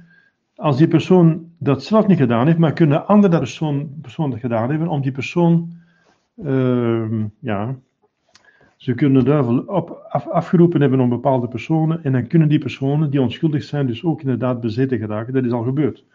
Bijvoorbeeld eigenlijk uh, uh, Miriam Bouwardi, dat is een Carmelites in Palestina, die is bezeten geweest en die was onschuldig. Uh, uiteindelijk is ze verlost geweest, hè, maar uh, dus uh, in ieder geval is het niet zelf gebeurd, is, heeft men zelf niet de oorzaak geweest, dan is het de andere mensen, maar er zijn bepaalde mensen, en we hebben een verantwoordelijkheid de ene tegenover de andere, hè, die dus oorzaak zijn dat de duivel zoveel macht heeft. Waarom heeft de duivel zoveel macht tegenwoordig op de aarde? Wel, omdat de mensen het hem geven. Er worden zelfs satansoffers gebracht, er worden zelfs kinderoffers gebracht aan de Satan. Dus uh, dat is omdat de mensen het zelf uh, gewild hebben en de middelen die Maria gegeven heeft in de 19e en 20e eeuw, in die verschijning door de kerkelijkheid, niet genoeg gebruikt hebben.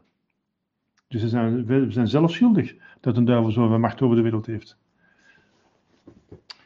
Ehm, ze kunnen ons niet tot zonde brengen zonder onze vrije toestemming. Zijn er engelen die ons bijzonder bewaren? Ja, dat wordt bij Gods voorzienigheid, zoals ik dat straks gezegd heb.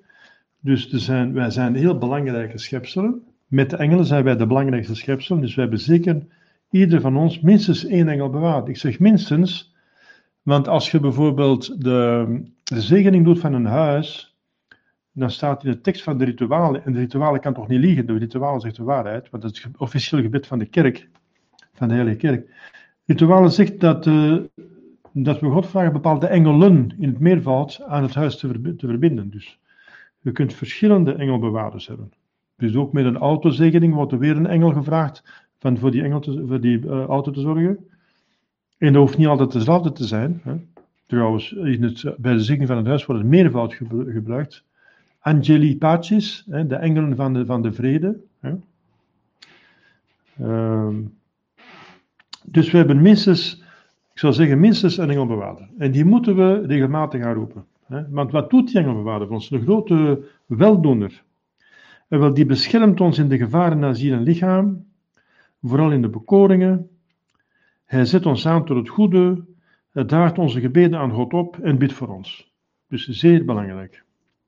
Engelbewaarder, uh, die vertegenwoordigt God dus uh, bij ons. Dus uh, de goedheid heeft God zijn goedheid, zijn zorg, zijn vaderlijke zorg gedelegeerd aan een, een hele machtige, mooie, schone, lieve, heilige engel.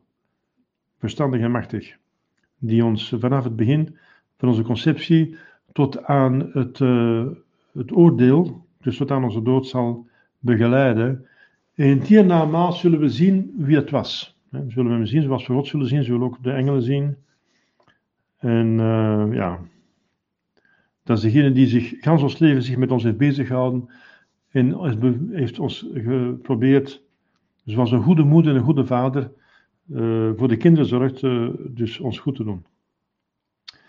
Wat zijn wij onze engelbewaarder verschuldigd? Ja, wij moeten hem eren, want het is een, uh, een wezen dat boven de mens staat, behalve boven de priesters, staan ze boven de, de mensen, want ze hebben ook een bovennatuur. Maar de priesters, is een uitzondering. De priesters staan boven de engelen, omdat zij dus ehm, de, een macht hebben die, die is, die de engelen niet hebben.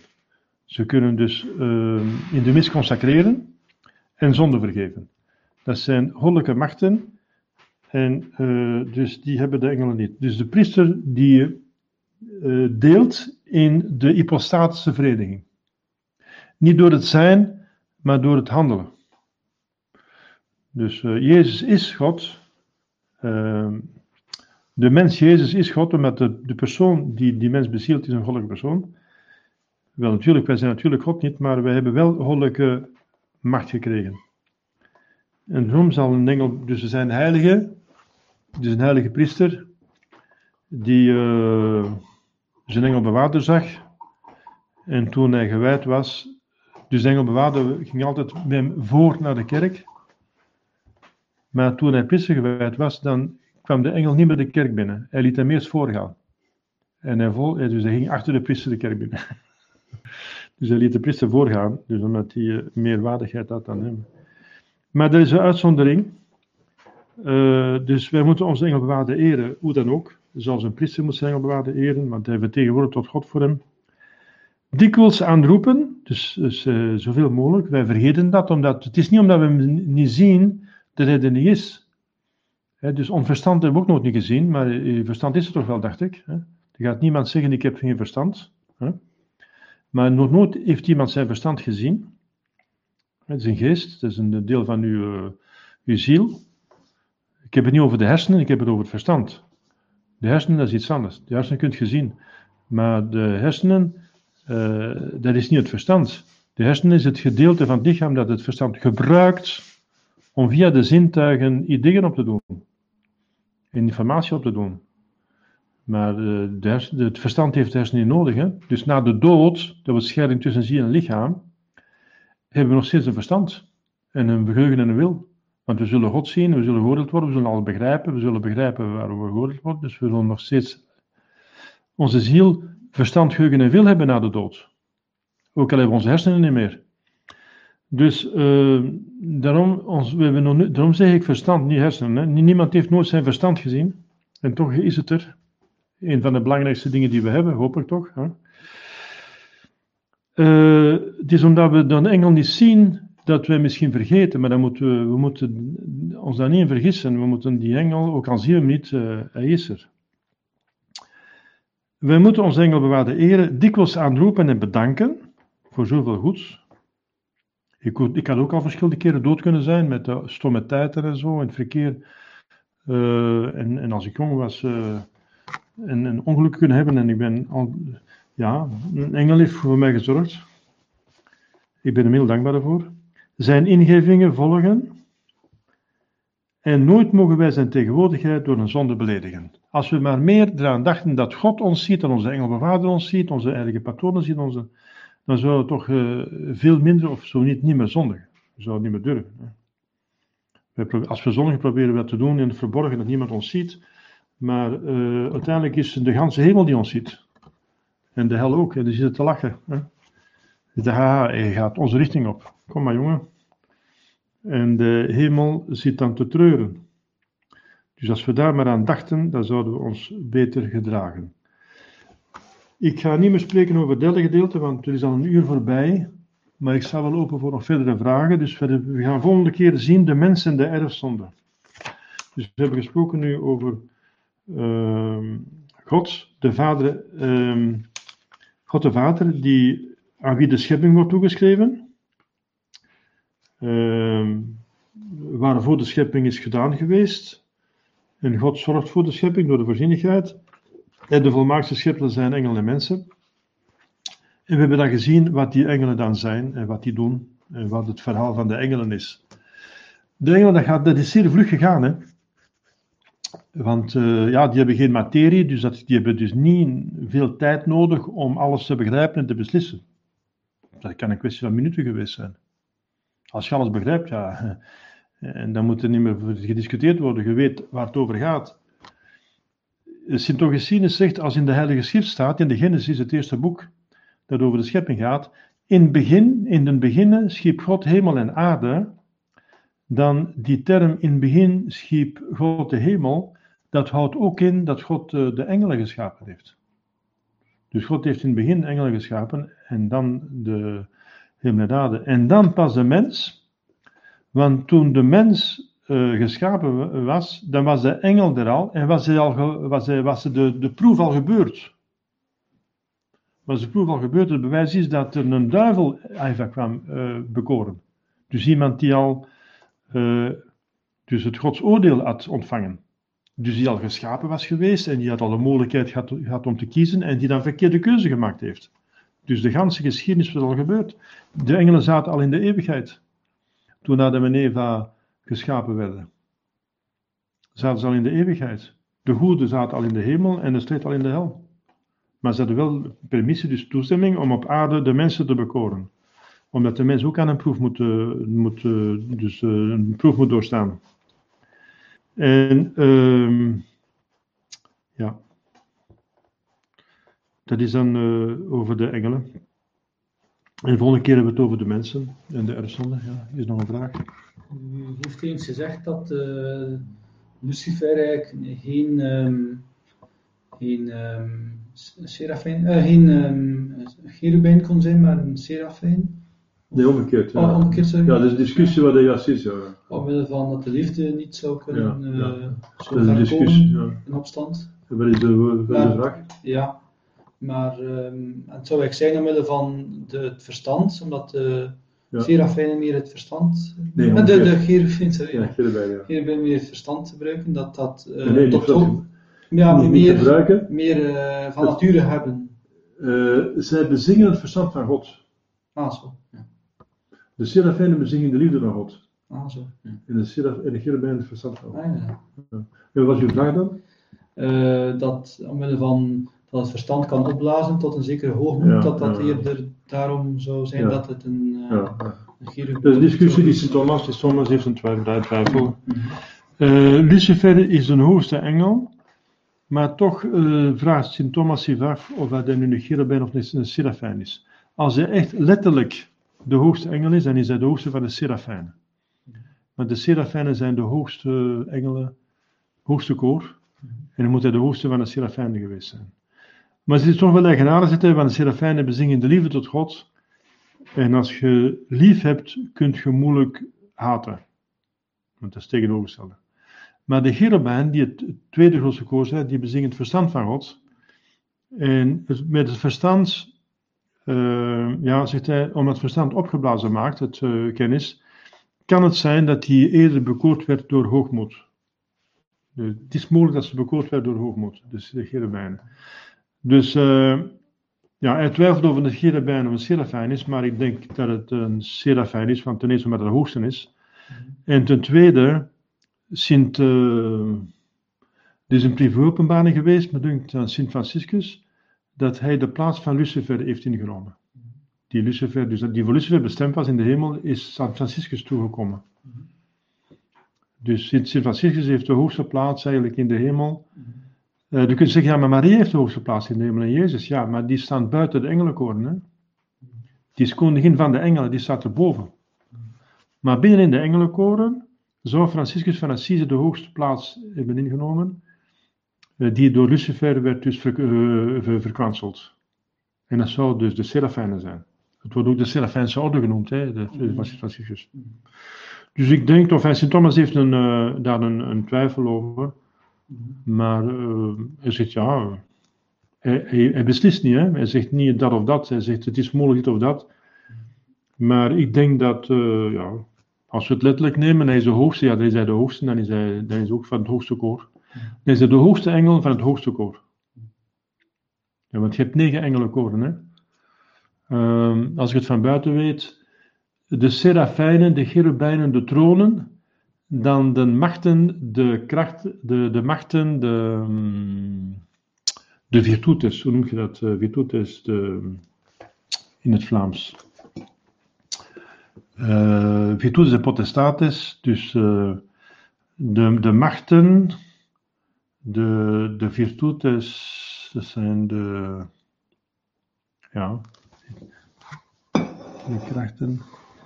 De krachten is het niet, denk ik. Even kijken, hè. Ik weet, zoek naar een Nederlandse vertaling van virtutes. De engelenkoren, even kijken. In het Nederlands, engelenkoren. Koren, en negen engelenkoren. Eh angel, an, angelologie. Angelologie. Ehm allee. Ehm, dus je hebt dus, ja, enzovoort zit ze, is gemakkelijk, enzovoort. Daar zet je niks mee natuurlijk, met enzovoort. Dus kijken of het, ja, in plaats van gewoon de engelenkoren te geven. Ah, hier heb ik het. Dus, ah ja, ah, ze noemen dat heerschappijen dan, ja. Dominationes en heerschappijen, ja. Ja, dus je hebt serafijnen, cherubijnen en tronen. Dat zijn, dat zijn het hoogste koor. De drie hoogste koren. De middelste koren zijn de heerschappijen, krachten en machten.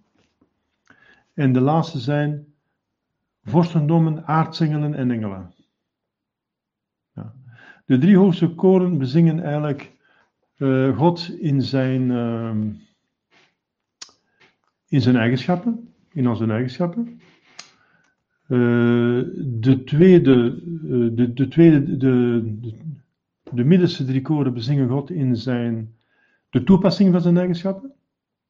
Dat hij beslissingen neemt, zijn decreten, hè, eh, enzovoort. Dus de, de, de beslissing die God genomen heeft. En de laatste drie koren die helpen die, die beslissingen uit te voeren. Dus die helpen bij de schepping, bij de voorzienigheid, bij de verlossing, bij de, bij de kerk enzovoort. Denk aan de aartsengelen die, die werken op aarde. De aartsengelen hebben een edeler functie dan de engelen. Zo met een aartsengel de engelbewaarder is van de kerk, zowel in het Oud Testament als van het Nieuw Testament. De engel Gabriel is de, meest waardige, Uh, de engelen, Michael staat aan het hoofd van de, degene die de duivel moeten, moeten bestrijden.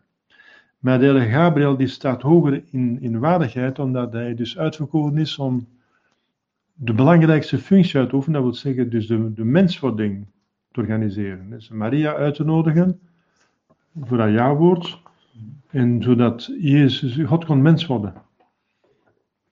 Engel Gabriel.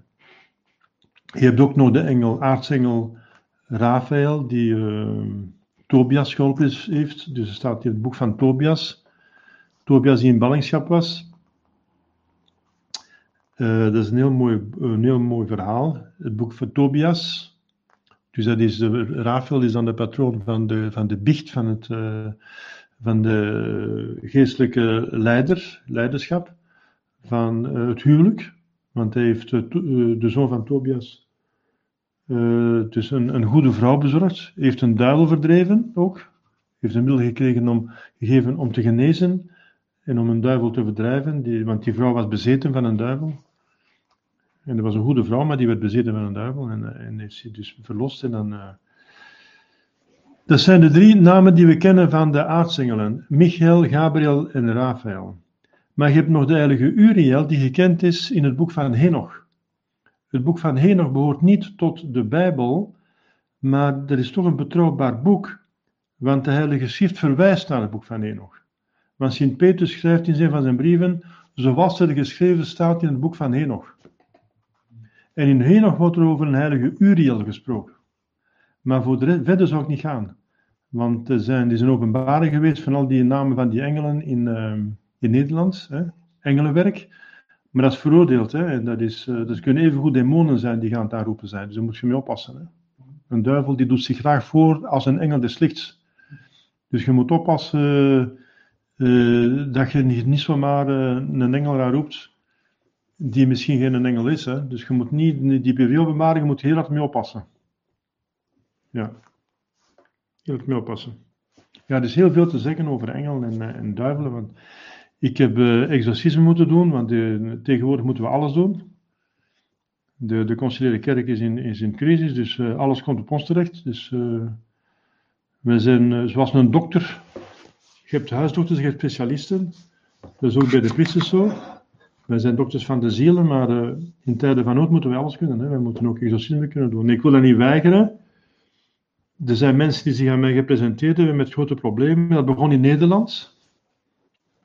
Uh, toen ik in Nederland verantwoordelijk was. Want er was een, een processierupsenplaag in, uh, in Noord-Brabant. Ik heb dan een rituale zegen uitgesproken. Want dat kon een duivelse oorsprong hebben. In ieder geval, een rituale zegen heeft ook, uh, als een duivel erin bij gemoeid is, ook een natuurlijke effect.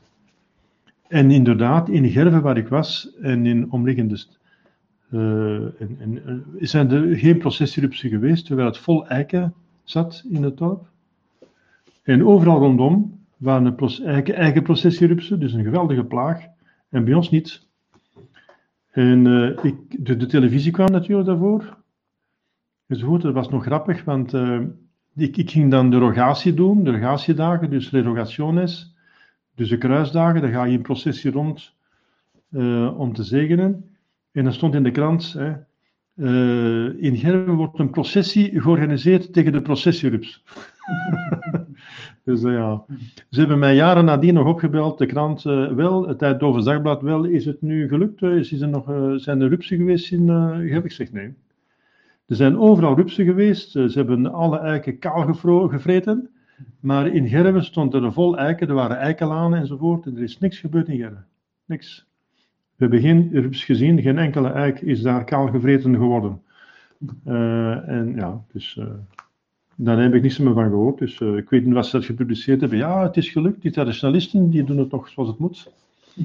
Ik weet niet of ze dat, dat is natuurlijk politiek incorrect nieuws. Dat, ik weet niet of ze gepubliceerd hebben, maar ze hebben het wel opgebeld om te weten. Ja, nou, je kunt er heel veel over vertellen. dat is een, een apart verhaal. Hè. Hoe dat je moet beschermen tegen een duivel, dat is een apart verhaal. Want een duivel, de engelen die denken niet helemaal zoals wij. Ook God denkt niet helemaal zoals wij. Dus iedere, ieder schepsel heeft zo zijn eigen manier van denken. Natuurlijk is er ergens een logica. de waarheid is de waarheid, maar het is toch een andere manier van denken. Toch uh, ergens. Bijvoorbeeld, uh, dus, enfin, ik kan daar natuurlijk heel lang over, over, over, over uit, uit, maar het is misschien interessant van te weten, maar dat moet een andere conferentie dan worden, hè, over uh, angelo, angelologie, dus engelenkunde, en, en demonologie, dat wil zeggen de kennis van de duivel, niet omdat hij zo interessant is, je moet hem niet interessant maken, maar je moet je vijand kennen om hem te overwinnen. Dus om een oorlog te winnen, en we zijn in oorlog, hè, ik zal vijandschap stellen tussen u en de vrouw, dat wil zeggen de slang, de, u, de slang, die eigenlijk bezeten was door een duivel, het ging niet om dat beest, het ging om wat erachter zat, die geest die erachter zat. Uh, u en de vrouw, tussen u en na. Dus een oorlog, in, om een oorlog te winnen. En jij gaat de kop verpletteren. Dus wij, mijn kinderen van Maria, gaan het winnen. Maar om een oorlog te winnen moet je de vijand kennen. Zijn sterke punten om daarmee rekening te houden en zijn zwakke punten om hem daarop aan te vallen. En uh, je moet ook je bondgenoten kennen. Je moet ook weten hoe dat je God moet aanroepen en de engel en de heiligen en wie met u is. Hè. Doordat deze crisis in de kerk zo lang duurt, het door infiltratie, je weet niet wie vriend of vijand is, daar hebben we lang moeten over doen om uit te maken wie is nu goed en wie is nu slecht, eh, wie is de good guys en wie is de bad guys. Dat is uh, niet zo evident. En er zijn ook nog mensen die het goed menen en die het toch verkeerd zeggen, omdat ze dus zelf misleid zijn. Dus het, maakt die crisis zo lang. 60 jaar crisis, omdat het door infiltratie en door bedrog en list en door, ze hebben zich verborgen gehouden. Dat is een, een paard van Troje. En daarom duurt het zo lang. Het is niet open. Een, het is geen open gevecht. Het is een geniepig gevecht. En nu nog altijd gaat die, die, die, die, die, die, die personage eh, in Rome daar, die gaat door als, als paus. Hoe is dat mogelijk? Terwijl hij dus een, een afgod heeft aanbeden, openlijk. Ja. Zijn er nog vragen voor de rest, voor wat we gezien hebben? Ja. Ah, ja. Het was nog niet over wat we gezien hebben, maar uh, ah, ja. over het laatste dat u zei, ja. uh, dat uh, Malachias, Martin, Martin Malachi, Malachi gezegd heeft dat in Rome zou de Satan geïntroduceerd oh, geweest zijn. En ik denk dat ook Pater Pio dat ook gezegd heeft. Of... Ja, dat kan zijn, ja. Ja dat moment. Ja, dat is, ja, er verschillende getuigenissen zijn dat dus de Satan geïntroduceerd is in in Rome in de jaren 60. Ja, door de sectes die in, uh, ja, door de geïnfiltreerde uh, kardinalen en bisschoppen zelf die lid waren. Zijn daar ritussen geweest, uh, een intronisatie van een duivel, maar ja. God is sterker, eindeloos sterker dan alle duivels, maar we moeten hem willen met ja, zijn wil doen en we moeten goed vriend, bevriend zijn met hem. Dat betekent zijn wil doen. Als, God, als wij zijn wil doen, dan doet hij onze wil, bij wijze van spreken. Als wij Gods wil doen, Jezus zegt, als je mij bemint, had je mij geboden. Dus als wij Gods wil doen, hè, dat zijn drie dingen. Ga in onderwijs, dat is het, het, dogma aanvaarden, ze onderhouden de geboden, dat wil zeggen, je moet die geboden onderhouden en de, de vijf geboden van de kerk en de legitieme bevelen van legitieme oversten aanvaarden. En dan doop ze, dat wil zeggen, de, de juiste sacramenten gebruiken. Dus dat is gehoorzaamheid in drie gebieden. Wel, dan hebben we God met ons mee en dan zegt de Heilige Schrift, zegt God, ik zal de, de vijand zijn van uw vijanden. Dan is God die zich persoonlijk daarmee bemoeit. En dan kan een duivel er niet meer tegenop. Want hij heeft veel te veel macht op aarde, maar komt omdat de mensen het hem geven. En dat moet nu eens een keer ophouden. Ja, inderdaad. Zo vlug mogelijk. Ja. De aartsengel Michael is sterker uiteindelijk, omdat hij met God staat. Ja, en, ja, uh, en, die de kerk ook beschermt en zo is de kerk ja. blijven. Hier is dezelfde vraag gesteld. Dus uh, de aartsengel Michael is de engel die Lucifer neerslaat. Ja, maar niet door natuur, maar door bovennatuur. Want een duivel is de hoogste engel, dus de verstandigste en de machtigste. Maar Michael staat boven hem, omdat hij van God goddelijke macht heeft gekregen om de duivel te verslaan. Dus dat wel. En nu is er nog een vraag. Buiten Lucifer. Ah nee, nee, dat was de vorige vraag. Oké. Klopt. De delegatie Michael is uh, heel machtig. Ja, heel machtig. Maar van boven natuur, hè, dus worden een gave gekregen. God, God is uiteindelijk eh, de enige die sterker is dan Lucifer, want hij is de hoogste engel. De engelen zijn machtiger dan alle andere schepselen en van alle engelen is hij de, de verstandigste en de machtigste. En dat gaat heel ver hoor, want de engelen die krijgen verstand door waterval. Een soort cascade, een waterval. Dus niet zoals wij, Wij moeten door onze uitwendige uh, zintuigen observeren. En uh, die uh, houden dat vast, wat we op geobserveerd hebben, en die stellen dat voor aan het verstand. Het verstand gaat abstraheren, ideeën maken, ideeën met elkaar verbinden, redeneringen maken, en zo komen we tot de waarheid. Dus een ganse proces is van redenering. Wel, de engelen hebben dat niet. Die hebben meteen inzicht in al wat er bestaat en al wat er is, en alles, die hebben meteen begrepen door instorting. Dus dat is in, ingestorte kennis. De engelen hebben ingestorte kennis, want die hebben trouwens geen zintuigen die krijgen ingestorte kennis van God, maar omdat God delegeert, geeft hij het aan de hoogste engel, die die kennis mededeelt aan de onderliggende engelen. De ik waterval, cascade, hè? waterval. En wel, Lucifer was de hoogste. Daarom wordt hij ook Lucifer genoemd. In de goede zin dan, voor zijn zondeval. Voor zijn zondeval heet hij Lucifer, dat wil zeggen die, die lux ferre, het licht overdraagt. Het licht, dat symbool is voor het verstand. Het verstand dat hij van God kreeg, droeg hij over aan de andere engelen. Lucifer, de, de, de, de, de, de lichtdrager. Hm? En uh, ja, dus hij is, uh, hij is aan gevallen. Hij is aan gevallen. Hij is dus. Hij heeft zichzelf tot God gemaakt. Hij natuurlijk uh, slechte wil. Dus. ja, en dat. dat is voor eeuwig. Dus hij wil niet. De, de, hel, de, de hel kan niet leeggemaakt worden, want ze willen zich niet bekeren. Het probleem is, ze van wat hebben ze spijt? Ze hebben spijt van het feit dat ze lijden, maar ze hebben geen spijt van het feit dat ze gezondigd hebben. Dat is een groot verschil. Zoals, dat is bij iedere verdoemde zo. De verdoemden hebben allemaal spijt dat ze lijden, maar ze hebben geen spijt dat ze gezondigd hebben. En ze kunnen er nooit uit geraken. Zolang er, bestaat geen vergiffenis zonder berouw. En ze willen geen berouw hebben. Ze willen geen berouw. Dus ze kunnen er niet meer uit. En ze wilden, enfin, ze wilden er wel uit, maar ze willen, ja, dus, ja. het is tegenstrijdig. Ze willen, het, ze willen de oorzaak wel, maar het gevolg willen ze niet. Ja. Ja, als je zondigt, is het gevolg de straf. Hè? Ja. Je had nog een vraag? Ja, dus dat tegen het verstand dan, want de oorzaak en de gevolg moet je toch van Ja, ja, ja, het is tegen het verstand, ik zeg het. Dus uh, geen enkele zonde is redelijk. Mm het is de wil die eigenlijk tegen het verstand ingaat. Want het verstand, het verstand als het goed functioneert, stelt altijd de waarheid voor. En waar is de waarheid? De waarheid is de overeenkomst tussen mijn gedachten en de werkelijkheid. Dus dat is eigenlijk het verstand voor gemaakt. Als je het verstand goed gebruikt, komt het altijd tot de waarheid, tot de werkelijkheid. Maar de wil kan dan die werkelijkheid aanvaarden of niet. Zoals Eva. Zij wisten de werkelijkheid dat God gezegd heeft van die boom zult je niet eten en als je daar niet van eet zult je naar de hemel gaan en als je daarvan eet zult je sterven. Dat wisten ze. En aan de andere kant gaat een duivel zeggen, ja maar ziet je niet hoe schoon dat die vrucht is? Uh, weet je wel, dat is een vrucht van de kennis van goed en kwaad. Je gaat kennis hebben die je nu niet hebt, hè? dus je hebt iets niet. dus zo gaat hij het voorstellen. Je hebt nu iets niet en dat is iets goddelijks, want God wil niet dat je eraan komt want dan zijt je zoals hem. Dus dat is iets goddelijks. En natuurlijk gaat hij niet sterven. Hm? En dan gaat er misschien nog bijvoegen, want uw ziel is trouwens, de ziel is onsterfelijk. De ziel is onsterfelijk, gaat niet sterven. Ja. Maar het lichaam kan sterven en de hel is als een tweede dood.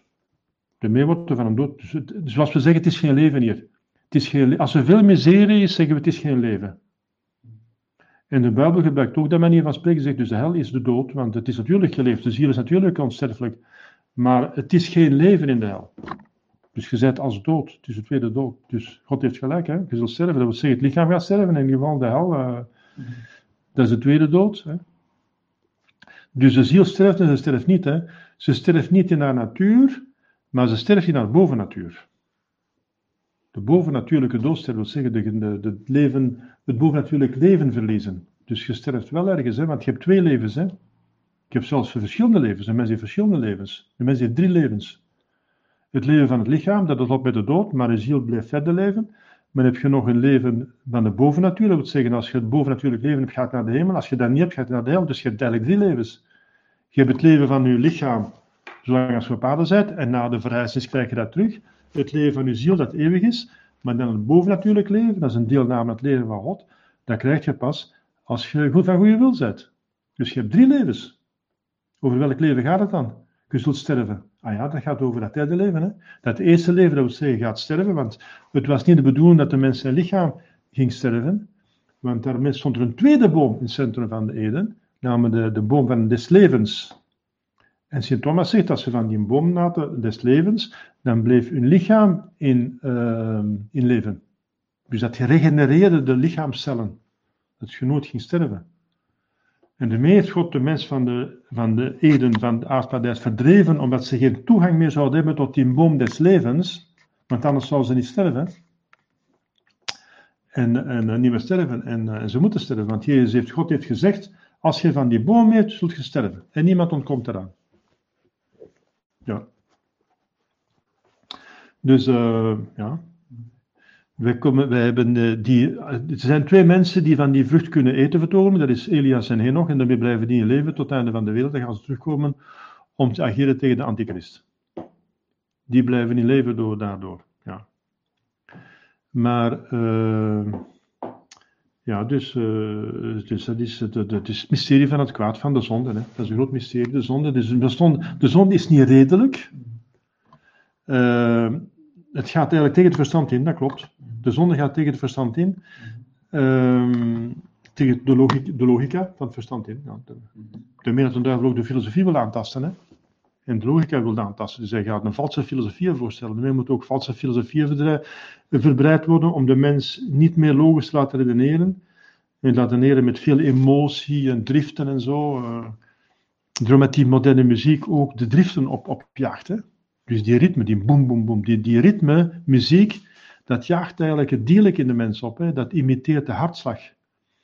Dus die boem, boem, boem van die moderne muziek, dat ritme, dus die beat, zoals ze zeggen, dat is de hartbeat. Dat wil zeggen, dat is de, de, de hartslag. Dat is het eerste wat een kind hoort als die oortjes ooit beginnen te werken in de moederschoot. Het eerste wat het kind hoort, dat is de hartslag van de moeder. En die hartslag van de moeder is normaal iets goeds, maar als die uh, hartslag, die, uh, die regelt dus de bloedsomloop, maar als die harder begint te kloppen, dan gaat uw bloedsomloop ook harder beginnen te, te lopen en dan worden de driften opgezweept. Dus die beat die harder, die vlugger gaat dan de hartslag, die jaagt eigenlijk, die heeft de neiging om uw hartslag op te jagen. Dus uw bloed vlugger te doen circuleren en uw driften uw dierlijke driften dus op te wekken, enzovoort, enzovoort. Dat is allemaal, uh, dat is allemaal één groot plan om de mens tot zonne te brengen. Dus de melodie, ze zeggen muziek verzacht de zeden. Ja, het hangt er vanaf welke muziek. Hè? er zijn muziek die de mensen wild maakt. Hè? Dus, uh, ja.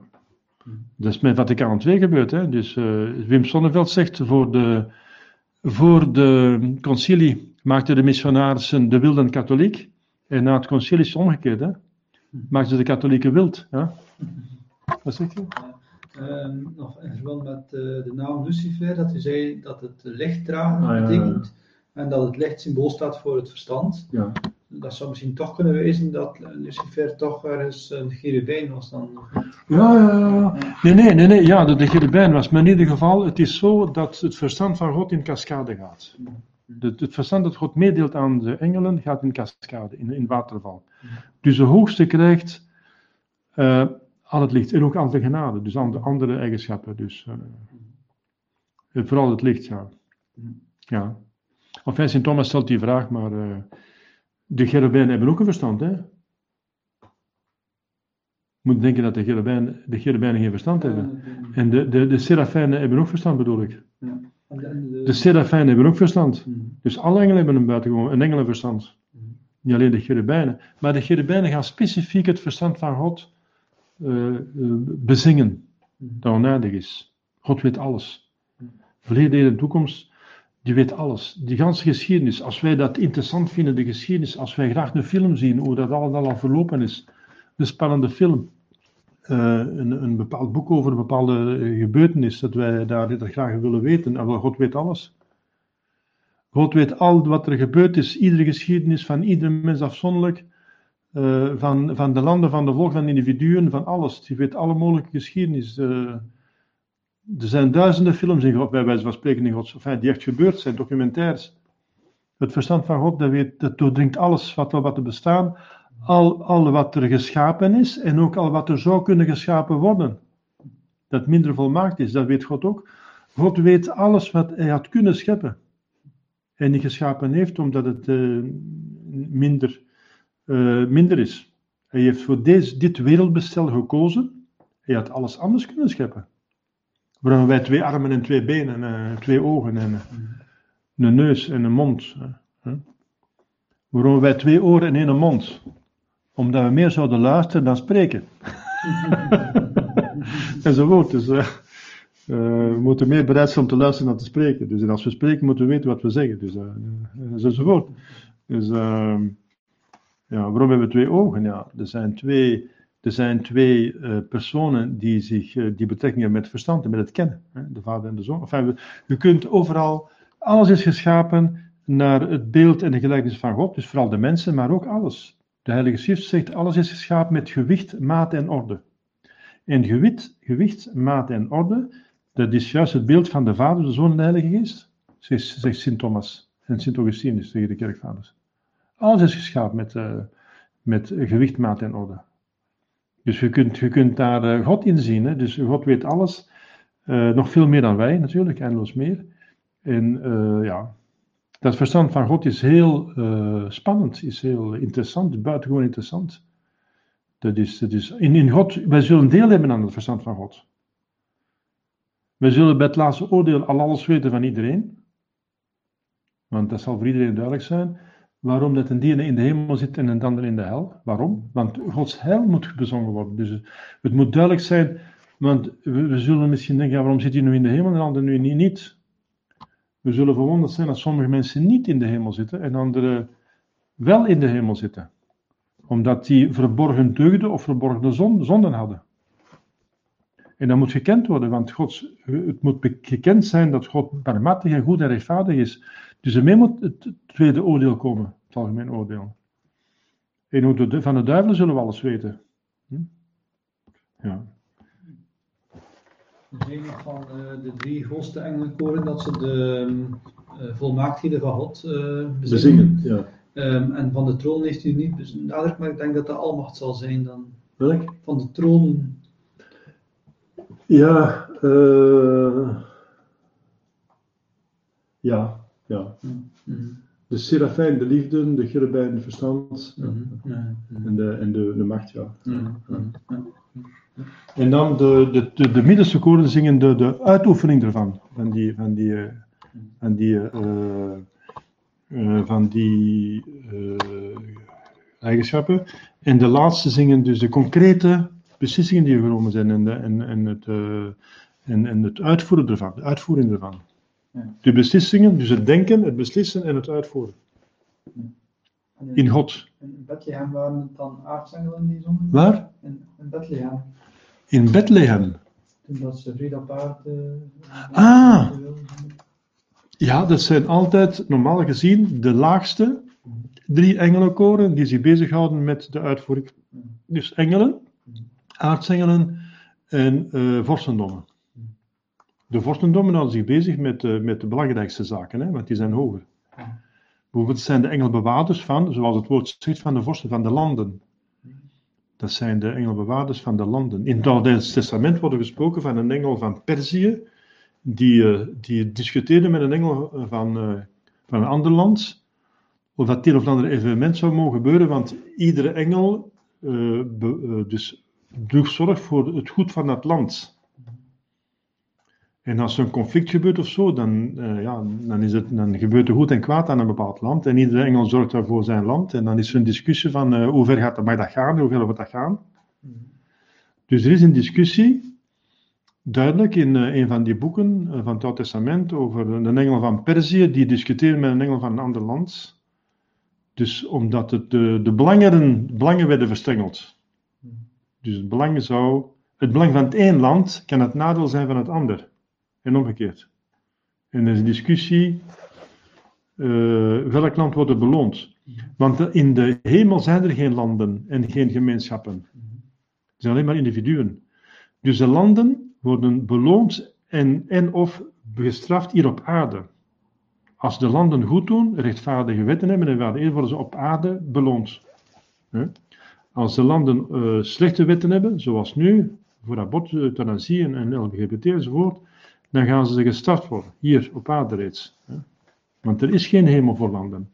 De enige gemeenschap in de hemel, dat is de gemeenschap van de, van de, van de kerk, van, van God. De gemeenschap van liefde is maar één gemeenschap. Er gaat maar één gemeenschap zijn in de hemel, de gemeenschap van de heiligen. Het is geen andere gemeenschap. Er zullen geen families meer zijn, geen landen, geen, uh, geen volkeren, niks. Dus allemaal uh, door elkaar. Want de, de koor waarin je zit, zal niet bepaald worden door uw ras, uw, uw afkomst, uw, beroep, uw standing, ik weet niet wat, maar door uw liefde. Hoezeer dat je God bemind hebt. Dat gaat beslissen waar hij gaat zitten. Dat is het enige criterium. De hiërarchie van de eeuwigheid, de hiërarchie van de liefde.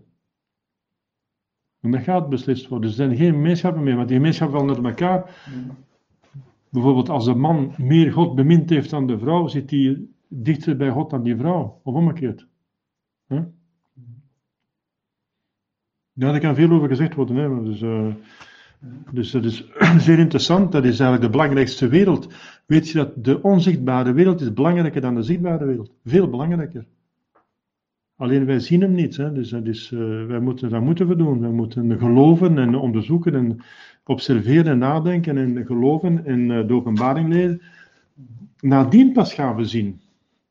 Wij, wij zien dat niet omdat ons verstand functioneert via ons lichaam. En het lichaam is materie en die zien alleen maar het materie. We zijn nog geen engelen die rechtstreeks de, de geesten kunnen zien. Dat, dat, dat, is, dat komt later pas na de dood. Jezus zegt, na de dood zullen we zijn als engelen. Dan zullen we zo zijn zoals engelen, omdat we dan geen lichaam meer hebben. Wij zijn een engel die geschapen is, bij wijze van spreken, om een lichaam te bezielen. Zo kun je het ook zeggen. Want voor dit hebben we met de engelen alles gemeen, behalve dat de engelen niet geschapen zijn om een lichaam te bezielen. Dat is ook uh, de reden waarom dat, uh, wij, uh, dat, dat de vrijsnis heel normaal is. De, de, de, Grieken waren gescandaliseerd toen Paulus zegt op de Areopaag, toen hij sprak over de verrijzenis, dan zegt hij, ja, we gaan morgen nog eens terugkomen. Alleen, de. We gaan morgen nog, bye bye, we zijn weg, we gaan morgen nog eens terug. Dat wil zeggen, we, je ziet ons niet meer terug. dus hij heeft ze ook niet meer teruggezien. Dus, uh, maar de, uh, er zijn weinigen bekeerd, een zekere Beria en ook Dionysius is bekeerd. Hè? Enzovoort. Dat is een hele goede theoloog geworden. En waarschijnlijk is dat een bisschop geworden van Parijs. Hè? dus dus Dionysius de Areopagiet. En ehm, dus. Uh, ja, ik ben even, nu ben ik het al kwijt. Ik ben het al kwijt. Dus waar, uh, belangrijker is de, de geestelijke wereld dan de... Welk? Dat de geestelijke wereld ah, ja. belangrijker is. Dat de geestelijke wereld belangrijker is dan de, dan de zichtbare wereld, ja. Omdat wij, uh, ons verstand werkt via de, het, het lichaam. En het lichaam uh, ziet alleen maar dingen die zintuigelijk zijn. En wij moeten dus, uh, wij zullen pas nadien alles zien. Hè? Dus door, uh, door de, de zalige godsaanschouwing, die komt pas later. Ja, nog een vraag? Ja, ja ik zal niet heel graag bestaan. Ja. Uh, wel nog van, wel zelf ook de kluts kwijt. ja, van de engelbewaarders. Dus de engelbewaarders zijn toegewezen, soms, soms meerdere aan één persoon. Maar um, kunnen die meerdere personen de engelbewaarder van zijn? Kun, kan één engelbewaarder van meerdere personen de engelbewaarder zijn? Of is dat? Uh, dat geloof ik niet. Jawel, dus wel als het bijvoorbeeld over een bezegeling van een huis gaat. Oh. Dus een engelbewaarder die aan een huis verbonden wordt, er staat in de tekst, je moet, als je wilt weten welke genade wordt gegeven, moet je aan de tekst kijken. Dus een tekst van een, huis, van een huiszegening zegt dat je de engelen afroept, die zorgt over het huis en over haar bewoners in het meervoud. Dus ze hebben dus uh, verschillende dus bewoners van het huis, dus dezelfde engelbewaarders wat dat betreft, het huis betreft. Ja, dat wel, ja. Maar uh, zij van de, de vorstendommen, dus uh, een specifieke koor van engelen, die dan aan landen zijn toegewezen, van ja, volkeren, ja. Maar zijn landen en volken al verdwenen? Zijn die dan niet meer toegewezen aan landen of volken? Ja, de, de taak gebeurt zolang totdat het, eh, de dingen, het schepsel bestaat. Hè? Als wij sterven, houdt ook de taak van de engelbewaarder op. Hè? Ah ja, die, die taak is maar tijdelijk. Hè? De engel. Ah ja, en je hebt ook bij Fatima, de engel van Portugal. Dat is ook nog een bewijs, dus ook nog een verwijzing. Dus bij, eh, bij de verschijning in, in Fatima verschijnt, voordat Maria verschijnt, de engel van Portugal verschijnt aan de kinderen. Weet je, dat is, dat is, een, dat is een vorst, dat is, iemand, dat is een engel uit de vorstendommen. De engel van Portugal. Die dat, die dat gebed leert aan de kinderen, dat gebed bekend van Fatima. Dus ziet je, dus dat is de engel van eh Perzië, is dat ergens in het, eh, de engel van Perzië. Perzië. Ehm, ah ja. Schriften. Mhm. Ah, eh, even kijken. In Daniel staat het bedunkt.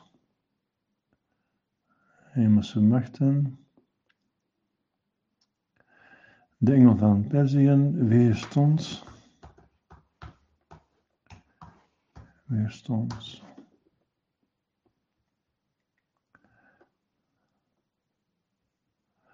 Ja.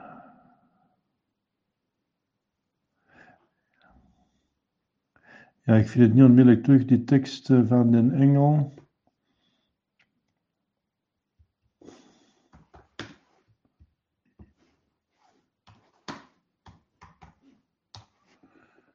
Ehm, ja, dus niet belangrijk. Ik denk dat dat in Daniel was. Hmm. Ja. In ieder geval, er zijn dus, dus engelen aangesteld over landen. En die hebben dus een, grote, een grote waardigheid dan de anderen. Dus de vorstendommen.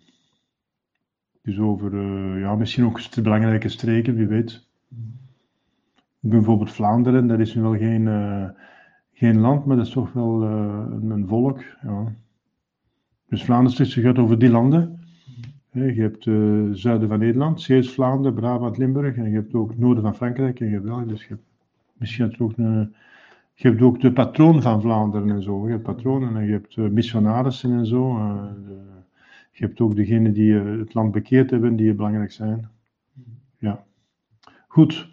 Ik denk dat we min of meer rond zijn. Je kunt daar heel veel over spreken. Je kunt er allerlei conferenties over geven, over eh, hoe dat de engelen juist functioneren. Demonologie, hoe de duivelen functioneren, dat is ook belangrijk tegenwoordig, om te weten dat je ze moet overwinnen en dat je moet weerstaan. Ja, dus dat zal dan voor een andere keer zijn, denk ik. Hè? We zijn ongeveer rond. Dank u wel, we gaan bidden.